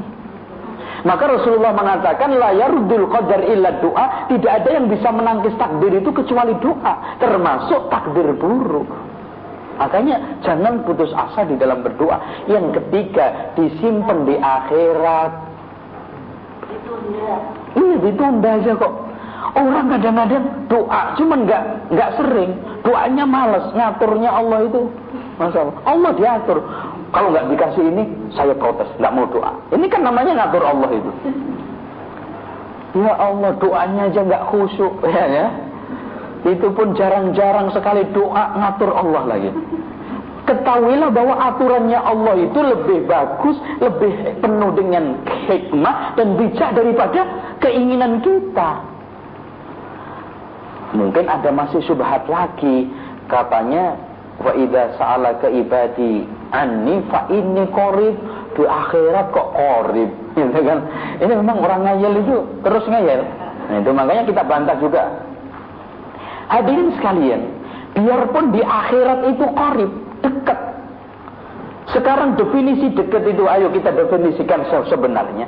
Yang namanya dekat itu sesuatu yang pasti kita akan temui kapan pun yang namanya jauh Walaupun kemarin, jangankan kemarin. Bapak-bapak cari jam 8 hari Sabtu tanggal ini sampai kiamat nggak ketemu. Itu namanya jauh. Maka kalau Allah mengatakan faida salah ina ibadi anni fa qarib kiamat itu dekat karena apa pun nanti terjadinya kapan pun kita pasti akan menemuinya dunia walaupun baru tadi sampai kiamat kita cari jam 8 hari Sabtu tanggal berapa? 13 nggak akan ketemu. Ini namanya jauh. Makanya Imam Ali sifatnya dunia itu mudbirotun. Lama-lama kita tinggalkan, kita punggungi. Yang namanya akhirat itu mukbilatun. Lama kelamaan kita hadapin terus. Sehingga dikatakan di dalam firman Allah itu setan itu menggoda dari arah depan. Maksudnya urusan-urusan akhirat tidak percaya tentang kiamat, tidak percaya alam kubur. Wa min khalfihim digoda dari arah belakangnya urusan-urusan keduniaan. Ya namanya dunia itu lama kelama. Jadi setan goda kita itu dari depan, dikasak kusuk di dalam masalah urusan akhirat sehingga nggak percaya, kasak kusuk lewat masalah urusan dunia sehingga terfitnah oleh dunia, an yaminihim kanannya kebaikan-kebaikan jangan dikira loh Pak, kalau sudah baik itu nggak jadi perangkat setan. Banyak orang sekarang ini tersesat karena kebaikan dan dia menjadi orang tidak benar karena kebaikan. Apalagi dengan yang kiri yaitu maksiat. Akhirat, dunia, kebaikan, maksiat. Itu alat menggoda setan. Namun katanya Abdullah ibnu Abbas Kenapa Allah tidak menyebutkan arah atas? Katanya Abdullah ibnu Abbas Sehebat-hebatnya iblis. Kalau hidayah sudah saya berikan kepada hambaku nggak akan bisa menghalanginya Nah ini makanya Allah nggak nggak ini nggak menyebutkan atas. Sehingga iblis juga sendiri ngakui kok dia sumpah, qala fa bi'izzatika la ughwiyannahum ajma'in illa ibadaka minhumul mukhlasin. Itu. Kalau sudah hidayah datang dari langit, udah nggak ada yang bisa menghalangi. Itu. Sehingga di sini intinya terakhir, Bu ya Pak ya, kalau berdoa tidak dikabulkan, kan Rasul sudah mengatakan ad-du'a huwal ibadah. Doa itu ibadah. Sudah bisa ibadah itu sudah seneng. Biarpun kalau seandainya nggak dikabulkan, kalau taruh nggak dikabulkan, kan sudah bisa ibadah kan enak, berpahala toh ibadah. Ngapain saya berhenti doa? Terus saja. Maka tidak ada alasan orang kapok berdoa. Yang nggak ada. Jangan sampai kapok berdoa. Nah, orang ini kalau sudah tidak mau berdoa ini isti'anah dan tawakulnya itu lemah. Yang keduanya, yang ketiganya ada orang yang iya karena sta'innya kuat, iya karena abudunya lemah. Jadi iya karena abudun ini iya karena abudunya lemah, wa iya karena sta'innya kuat. Seperti orang-orang yang ahlul ibadah. Wah, tawakalnya kuat sampai gak kerja sama sekali. Sakit sudah masya Allah, udah tawakal kuat, tapi gak bener konsep ibadahnya carut marut itu. Wong sakit kok nggak mau berobat, siapa yang ngajarin? Sekarang melarang nggak punya duit kok nggak kerja. Ini namanya keterlaluan isti'anah tawakalnya, nggak beres ininya, nak budunya. Nggak bener juga. Ini banyak dialami oleh orang-orang sufi, orang-orang tasawuf itu. Makanya di antara mereka ada sama sekali nggak mau kerja. Cuman kerjanya ngelayap sana, ngelayap sini. Nanti kan kalau sudah datang, rezeki datang dari Allah. Sudah, semuanya akan beres. Jadi, ini hiper tawakal. Jadi, tawakalnya ini kebablasan. Gitu. Sampai mereka itu, makanya dikatakan sufi dari kata tasawuf, pakaiannya itu dari bulu domba yang tidak dicuci bulan-bulanan. Dia meyakini dengan pakaian yang seperti itu dia zuhud, terhindar dari dunia, nggak mau dunia, sehingga kehidupannya bersih. Itu bukan zuhud. Ya. Zuhud itu biarpun 5 miliar, nerima apa adanya. 5 miliar, itu zuhud. Ya konsep zuhud itu di dalam dari firman Allah, "Qul man harrama zinatallahi allati akhrajal ibadi." Katakan Muhammad, siapa yang mengharamkan yang saya keluarkan dari bumi? Halal untuk mereka. Makanya zuhud itu menerima apa adanya, nggak lirik di tangan manusia walaupun 5 miliar. Tomak itu artinya lirik di tangan orang, ngenes terus walaupun 5 rupiah. Gitu kan? Ini namanya subhanallah sudah ngenes dohir batin akhirat dunia kebelangsa. Gitu ya. Iya, nggak beres. Kayaknya orang di dunia itu sering saya mengumpamakan mimpinya di akhirat itu empat. Ada orang yang tidurnya di kasur, ngimpinya makan sate kan gitu. Ada orang yang ngimpinya di emperan ini tidurnya di emperan Cina, ngimpinya dikejar-kejar anjing. Ya ini orang yang tadi itu sudah nggak punya duit, miskin, ngenes terus, tawakalnya nggak ada, tamak. Gitu ya. Makanya jangan sampai. Nah, yang nomor berapa Pak? Empat. Enggak iya karena budun juga enggak iya karena stani. Udah ini. Ya ini. Ini kayaknya yang yang tadi ini ya. Orang yang di dunianya celananya cuma atu-atunya dan sana sini enggak pernah ganti. Sekarang rumahnya miring di Kali Ciliwung, nyamuknya banyak, listriknya nitip. Ya itu. Ini. Enggak iya karena budun wala iya karena stain. Gitu. Masya Allah. Naudzubillah min zalik. Semoga kita terhindar dari itu. Ya. Sekarang masih setengah jam sampai jam 11 ya Pak ya? Hah? Sampai jam setengah 11 ini? Sampai jam 11 ya. Sudah kita akhiri sekian saja. Iya, tanya jawab insya Allah. insya Allah kita akan membahas secara detail ihtinas siratal mustaqim siratal ladina an'amta alaihim ghairil maghdubi alaihim waladdallin. Nah, nanti kalau sudah ghairil maghdubi alaihim waladdallin kita akan bahas Yahudi dan Nasrani. Ciri-cirinya, karakter utamanya. Dan yang paling penting ada enggak muslim yang Yahudi, muslim yang juga Nasrani. Nah, itu. Ini yang paling penting. Itu. Soalnya banyak orang yang mirip tapi fatal jadinya. Ya, mirip tapi fatal. Demikian, silakan mungkin ada yang yang bertanya, silakan Pak. Bapak-bapak sekalian, ibu-ibu, tafadhol silakan.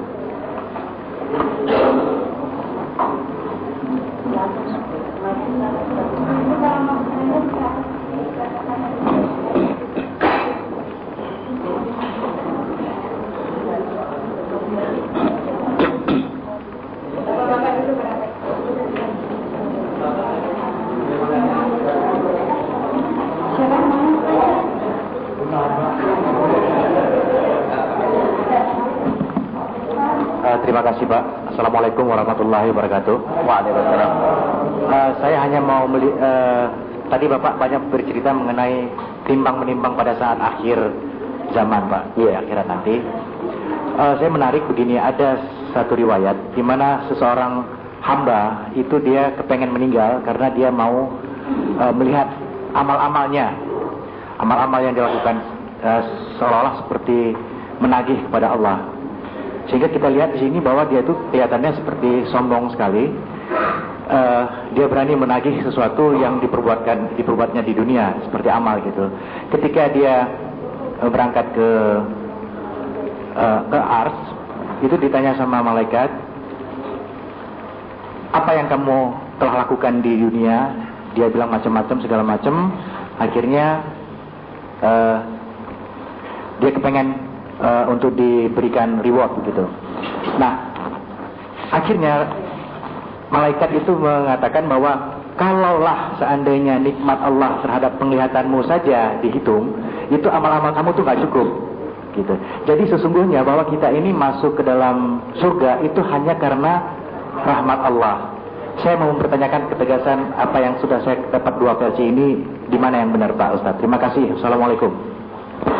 Andin sekalian cerita ini cerita ngarang. Jadi tidak ada sanatnya. Cuman yang perlu saya kasih catatan di sini hadis Rasulullah. Maminkum min ahadin yadkhulul jannata bi'amalihi. Tidaklah di antara kalian masuk surga semata-mata karena amalnya. Wala anta ya Rasulullah, walaupun engkau ya Rasulullah, wala ana, walaupun saya juga. Illa ayyataghammadani Allah Ta'ala birahmatihi. Kecuali Allah mengasihi sama saya. Kasihan aja sama saya. Kalau nggak dikasihani Allah, saya juga sama. Ini sebelum turun ayat inna fatahna laka fatham mubina liyaghfira laka Allahu ma taqaddama min dhanbika wa ma ta'akhkhar. Sebelum turun ayat jaminan diampuni dosa sebelum dan sesudahnya. Intinya hadirin sekalian, memang benar manusia itu semata-mata masuk surga itu karena rahmat Allah. Dan masuk neraka itu karena adilnya Allah. Sudah adil sekali. Jadi nggak ada orang yang didolimi dengan masuk neraka. Gitu. Soalnya konsep keadilan nih, menurut akal kita, perasaan kita itu sangat labil dan sangat tipis sekali. Adil menurut kita belum tentu adil menurut Allah. Makanya kasihkanlah kepada Allah. Kalau Allah mengatakan adil itu seperti itu, jangan sekali-kali bilang Allah itu boleh. Makanya manusia masuk neraka itu berdasarkan keadilan Allah dan masuk surga itu karena rahmat Allah. Itu. Ya kalau protes sekarang mau protes apa? Dulu di, di dunia sudah dijelaskan kebenaran. Sudah datang penjelasan. Bahkan ancaman-ancaman juga. Terus kalau ingin sama, Allah sudah menyatakan apa? Naja'alul muslimina kal mujrimin. Apakah kamu ini menuntut saya ini menyamakan antara orang yang muslim dengan yang mujrim jahat? Enak aja, gitu loh maksudnya. Enak aja, gitu. Dan hadirin sekalian pengadilan itu penting. Coba bayangkan ada di sana orang yang serba nahan, mau makan ini nahan karena haram, mau berbuat ini nahan karena haram, mau ini nahan karena nggak boleh. Sekarang ini ada orang yang hidup serba boleh nggak menahan, sama kedudukannya. Ya terlalu enak. Makanya kita itu sebetulnya akhirat itu sudah perlu dengan sendirinya. Kalau nggak ada kita yang nuntut. Soalnya tidak semua urusan kedoliman di dunia ini bisa diselesaikan. Ada nanti pengadilan yang paling adil sehingga orang itu tenang. Ya oke lah kamu mendolimi saya nggak apa-apa. Nanti kan ada tempat yang ini. Oke lah kamu menyakiti saya. Kan nanti ada tempat untuk Nah, di situ jadinya kita sendiri perasaan kemanusiaan ini menuntut adanya akhirat. Kalau nggak ada akhirat kita itu mana protes. Ya ada orang yang sekarang ini hidup serba bebas, enaknya dan kemudian macam-macam itu. Eh ternyata di akhirat sama, gigit jari kita. Oh kalau begitu saya saya dulu kayak dia aja. Ya enggak mungkin. Afana ja'alul muslimin kal mujrimin? Adakah kamu menuntut sama saya jadikan muslim sama orang jahat sama? Oh enggak. Tidak bisa. Itu ya maksudnya. Ya, silakan.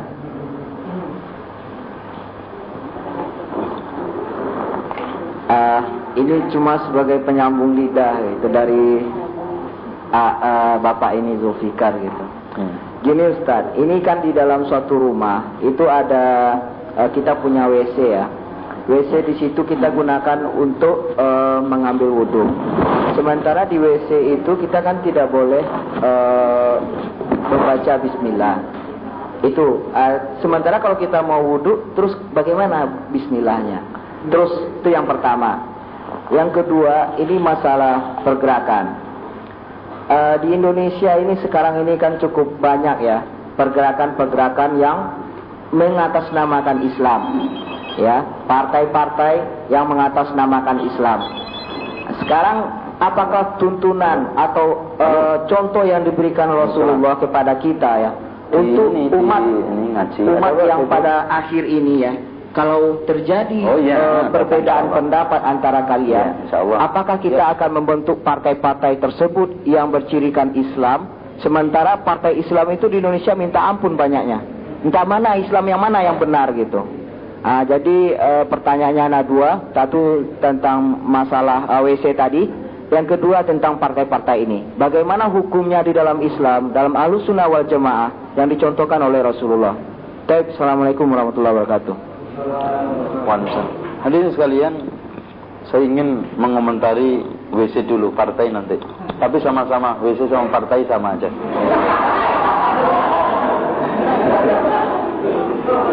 ya.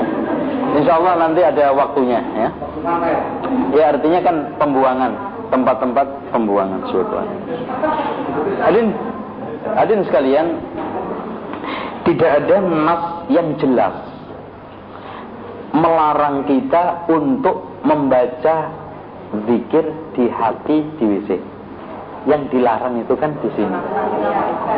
Makanya kita tetap kalau memang terpaksa tidak ada tempat wudhu kecuali di tempat itu kita membaca bismillahnya di hati kolbi karena zikir itu ada zikir lisan ada zikir kolbi. Tapi katanya Imam Nawawi di dalam azkar yang terbaik adalah kolbi dan hati ini lisan nyatu jadi satu.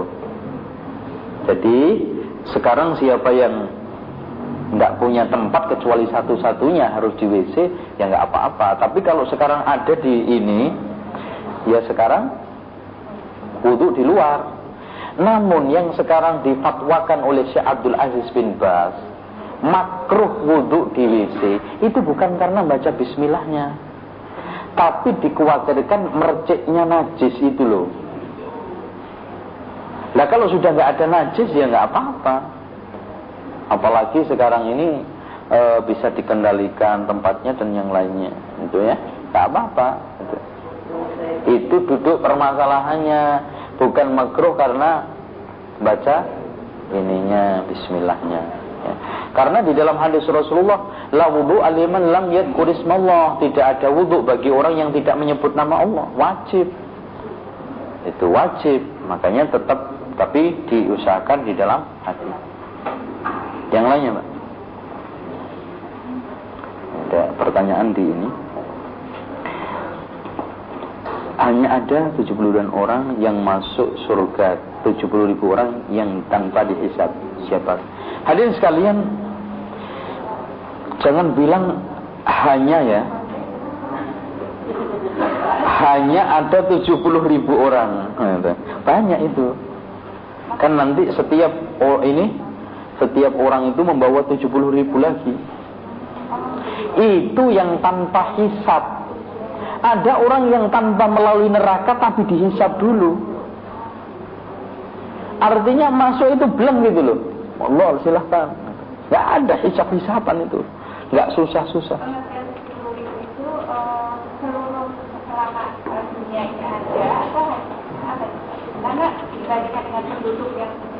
Oh ya.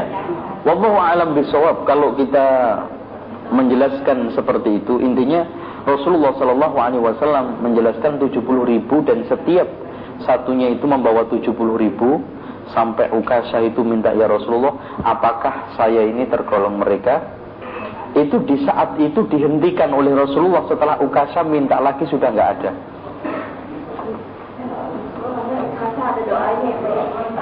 Ah, doa Ukasha nggak benar itu, ya.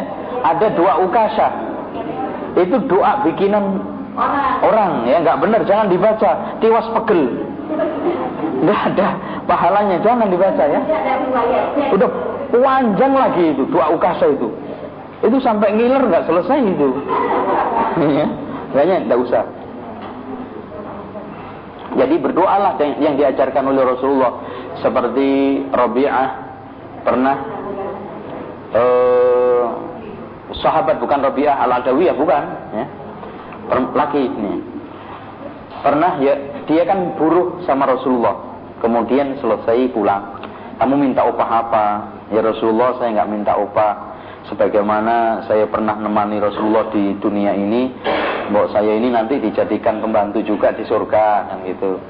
Pembantunya Rasulullah, enak kan? Gitu.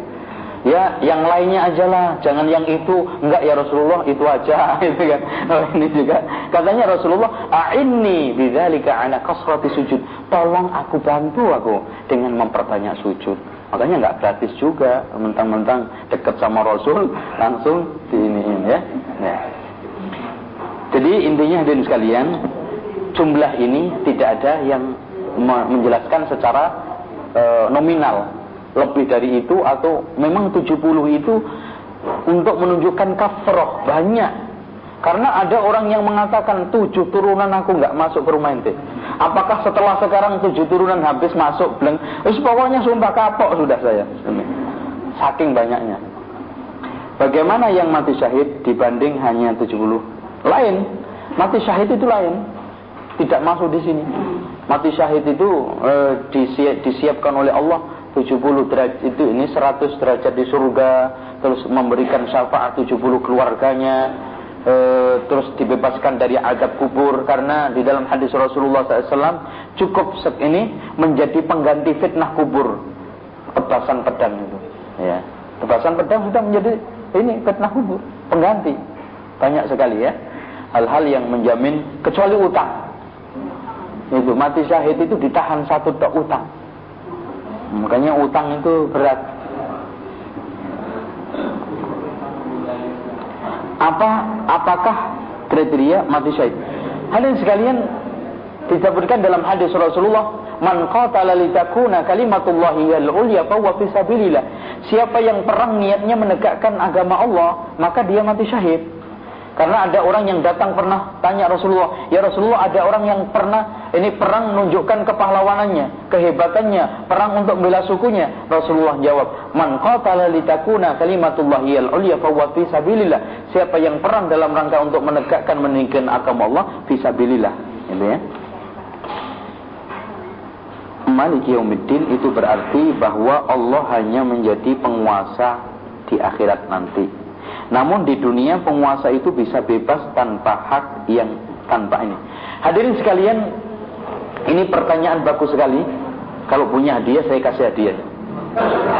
Hadirin sekalian, ada orang yang bertanya, kalau Malik Yaumiddin Allah itu berarti penguasa di akhirat loh, di dunia enggak.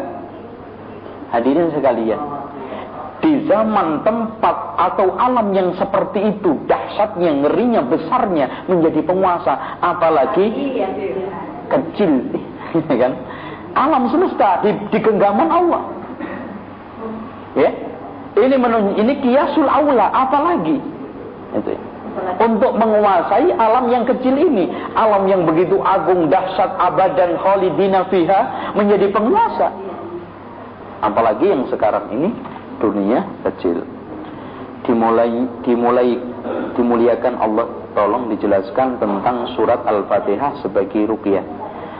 Tentang masalah ruqyah, hadirin sekalian, sahabat itu modal ruqyah menjampi atau menyembuhkan sakit itu dengan Al-Fatihah saja cukup. Mungkin ada pertanyaan, sekarang kita baca Fatihah bolak-balik malah ditambah suratnya juga nggak kena-kena. Ketahuilah, orang ngiris roti itu tergantung pisaunya, lengannya sama yang diiris. Sekarang pisaunya tajam, tangannya setruk, ya apa gunanya? Itu.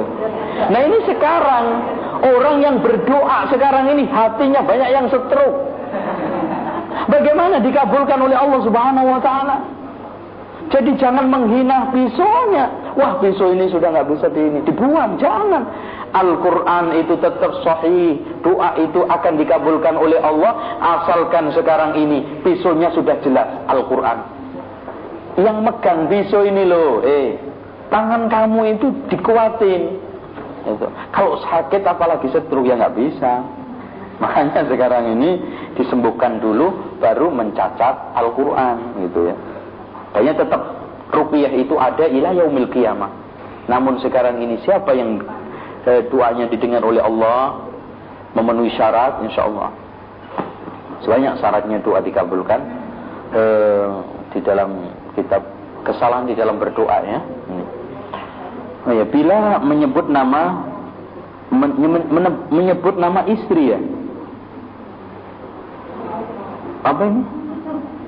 Ya tolong disebutkan dengan umul mukminin.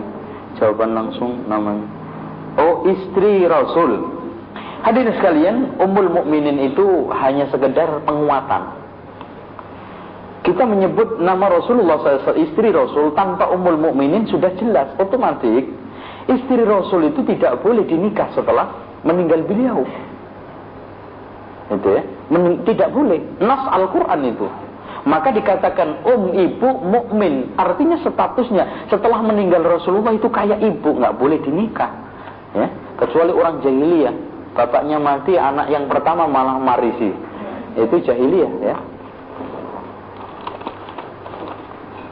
Bagaimana hukumnya bila kita bernazar untuk salah seorang anggota keluarga yang sedang sakit? Bila sakit sembuh akan berangkat ke Mekah. Setelah yang sakit sembuh, dia terus mena oh, menangguhkan. Nah ini, ini yang saya ingin jelaskan, Pak ya, jangan suka nazar. Katanya Rasulullah, "Innahu la yustakhraju illa minal bakhil." Nazar itu tidak dikeluarkan kecuali dari orang bakhil. Wong mau berbuat baik kok janji-janji dulu. Itu kan nggak orang bakhil nggak ada itu. Wah ntar kalau begini saya begini. Eh bu kan sekarang ini mau berbuat baik silahkan, nggak pakai janji-janji, iya kan? Wong sekarang mau sodako aja nunggu lulus, nunggu sembuh, nunggu ini. Ya? Makanya sekarang kalau sudah nazar harus dilakukan kecuali buruk nadar maksiat. Nanti kalau saya sembuh, nanggap layar tancap. Itu. Ini nggak benar, maksiat itu. Makanya harus dibatalkan tapi bayar kafaroh. Memerdekakan budak, nggak ada budak sekarang. Mak puasa ini memberi makan atau memberi pakaian orang fakir miskin. Salah satu dipilih ya, memberi pakaian atau makan. Sepuluh. Kalau nggak ada puasa tiga hari. Bagaimana caranya mengobati penyakit kalbu? Oh, misalnya dendam yang dendam yang disebabkan oleh kezaliman seseorang yang terus menerus menzalimi. Ini namanya dendam kesumat. Ada sekalian orang yang sudah kena dendam kesumat ini repot memang. Makanya ketahuilah gini loh untuk menyembuhkan penyakit dendam gampang sekali. Jadikan disakiti hati itu simpanan pahala di akhirat. Itu pertama. Keduanya hadirin sekalian, semuanya ada pengadilannya. Dan antum kalau sekarang sudah melakukan amal soleh, ngapain saya harus dendam-dendam? Sudah jadi pahala kok didendam-dendam. Kan gitu. Makanya ada di dalam hadis Rasulullah tiga perkara tidak menjadikan tiga perkara itu hati orang muslim dongkol, suka dongkol, suka nggak enak, suka nyesek. Makanya penyakitnya kalau nggak bengek asma terus. Ya, itu. Ya. Pertama ikhlasul amalillah, mengikhlaskan amal lillah. Umpamanya ya Pak ya, bapak nyekolahin ponakan. Biasanya yang kurang wajar ya ponakan terus begitu tuh. Yang buat jengkel. Di sekolah dari mulai kecil sampai gede, eh giliran gede kurang ajar Wah kurang ngajar ini orang anak di sekolah dari mulai kecil sampai ini dari mulai orok sampai gede. Eh sekarang ini berani ya. Ini itu sampai nderdek-nderdek gemeter begitu marahnya. Ngapain? Oh sudah jadi pahala kok disesali. Duit anda ini sudah menjadi simpanan di akhirat celek gitu kan sudah jadi pahala tinggal nunggu balasannya. Itu urusan kamu, silahkan. Mau nakal, mau jungkir balik ya fadl kan gitu. Silahkan. Enak kan jadi hati itu? Adem. Itu. Tapi kalau ditunggu panas terus ya sudah nggak ada habisnya itu. Wah, kapan? Akhirnya e, setan yang ngompori. Disodok, oh kurang, sodok tok itu kurang, tambahin wah saya hajar, kurang dibunuh aja sekalian kan gitu. Setan memprovokasi dendam itu, benar. Wah ini ini tulisan dokter asli. Ada yang menanyakan apakah surga atau neraka sekarang ini sudah ada. Hadirin sekalian, surga ada nggak ada urusannya apa? Itu pertama ya. Kamu ngurusin surga ada atau enggak? Dan sekarang hadirin sekalian, ada nggak ada itu tetap makhluk. Dan dikatakan ijma ulama ahli sunnah wal jamaah surga neraka itu sudah ada. Kok mau bazir banget? Itu kan urusan antum. Ini Allah tidak pernah mengatakan mubazir. Wah kasihan banget ya surga bertahun-tahun kosong. Ini hadirin sekalian pertanyaan-pertanyaan akal-akalan yang bisa menyebab kita kepada aliran sesat. Mengingkari surga. Tidak bisa, tidak bisa nas-nas yang sifatnya gaib ini kita tabrak pakai akal kita. Iya. Makanya di sini diputuskan antum baca di dalam syarah Tohawiyah, kitab-kitab akidah, ahlu sunnah mengatakan bahwa surga neraka itu sudah ada. Wallahu a'lam Iya. Bagaimana hukumnya orang yang mati bunuh diri dengan bom? Oh ini bom tapi ada bomnya. Jangan buah dulu. Kalau bunuh diri titik itu anak penasaran tadi itu. Bom di Palestina. Ini ada fatwanya kan gitu. Karena ada seorang yang muslim dalam dialog di TV menghukumnya sebagai mati syahid. Hadirin sekalian, waduh, waktunya habis. Kita jawab. Hah? Sedikit. Hadirin sekalian, fatwa bunuh diri adalah fatwa konyol.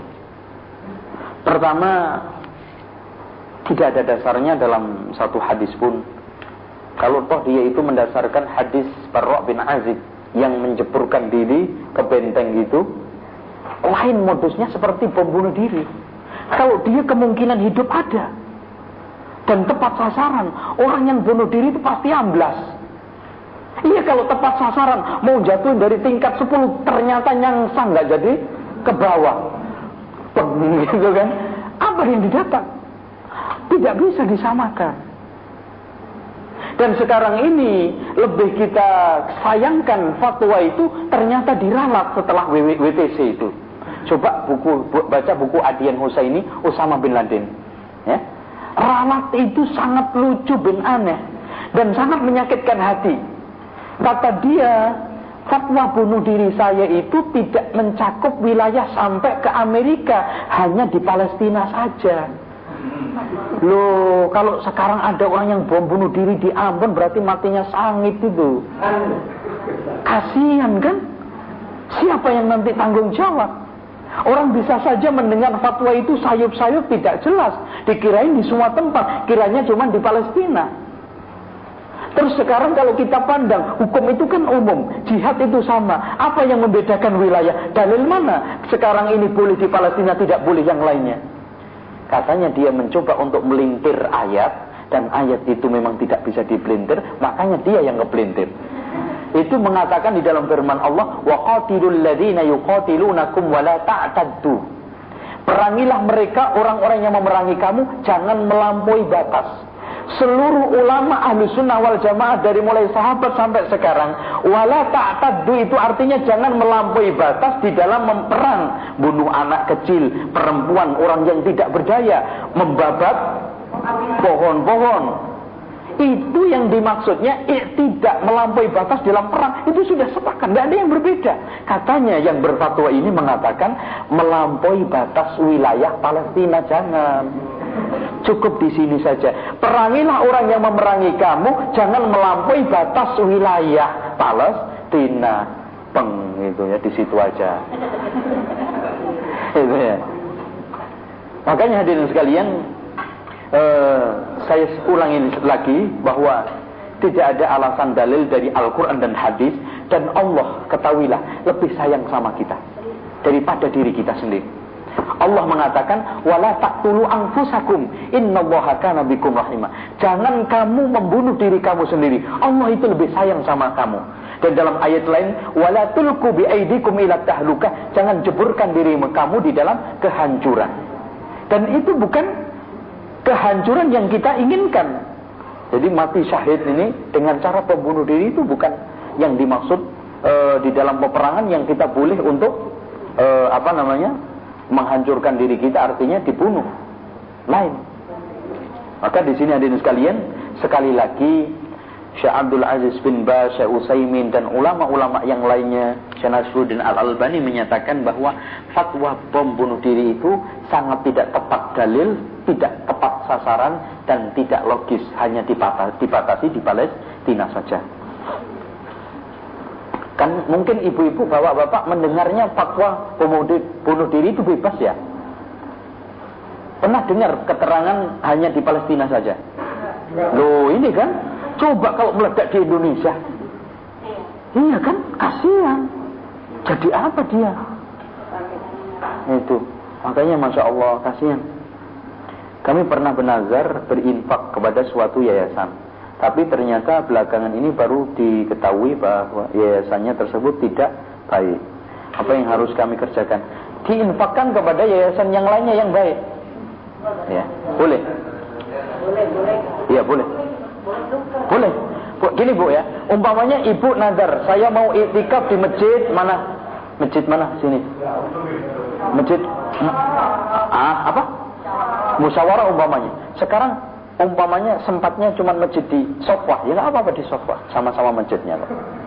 Nggak ada keutamaan antara masjid ini dengan masjid ini sama, kecuali tiga masjid. Nah, kalau sudah ibu atau bapak nadar, saya kalau nanti ini selesai, ini selesai itu atau sembuh ini, saya akan iktikaf di Masjidin Nabawi. Nggak boleh diganti di Masjid Istiqlal.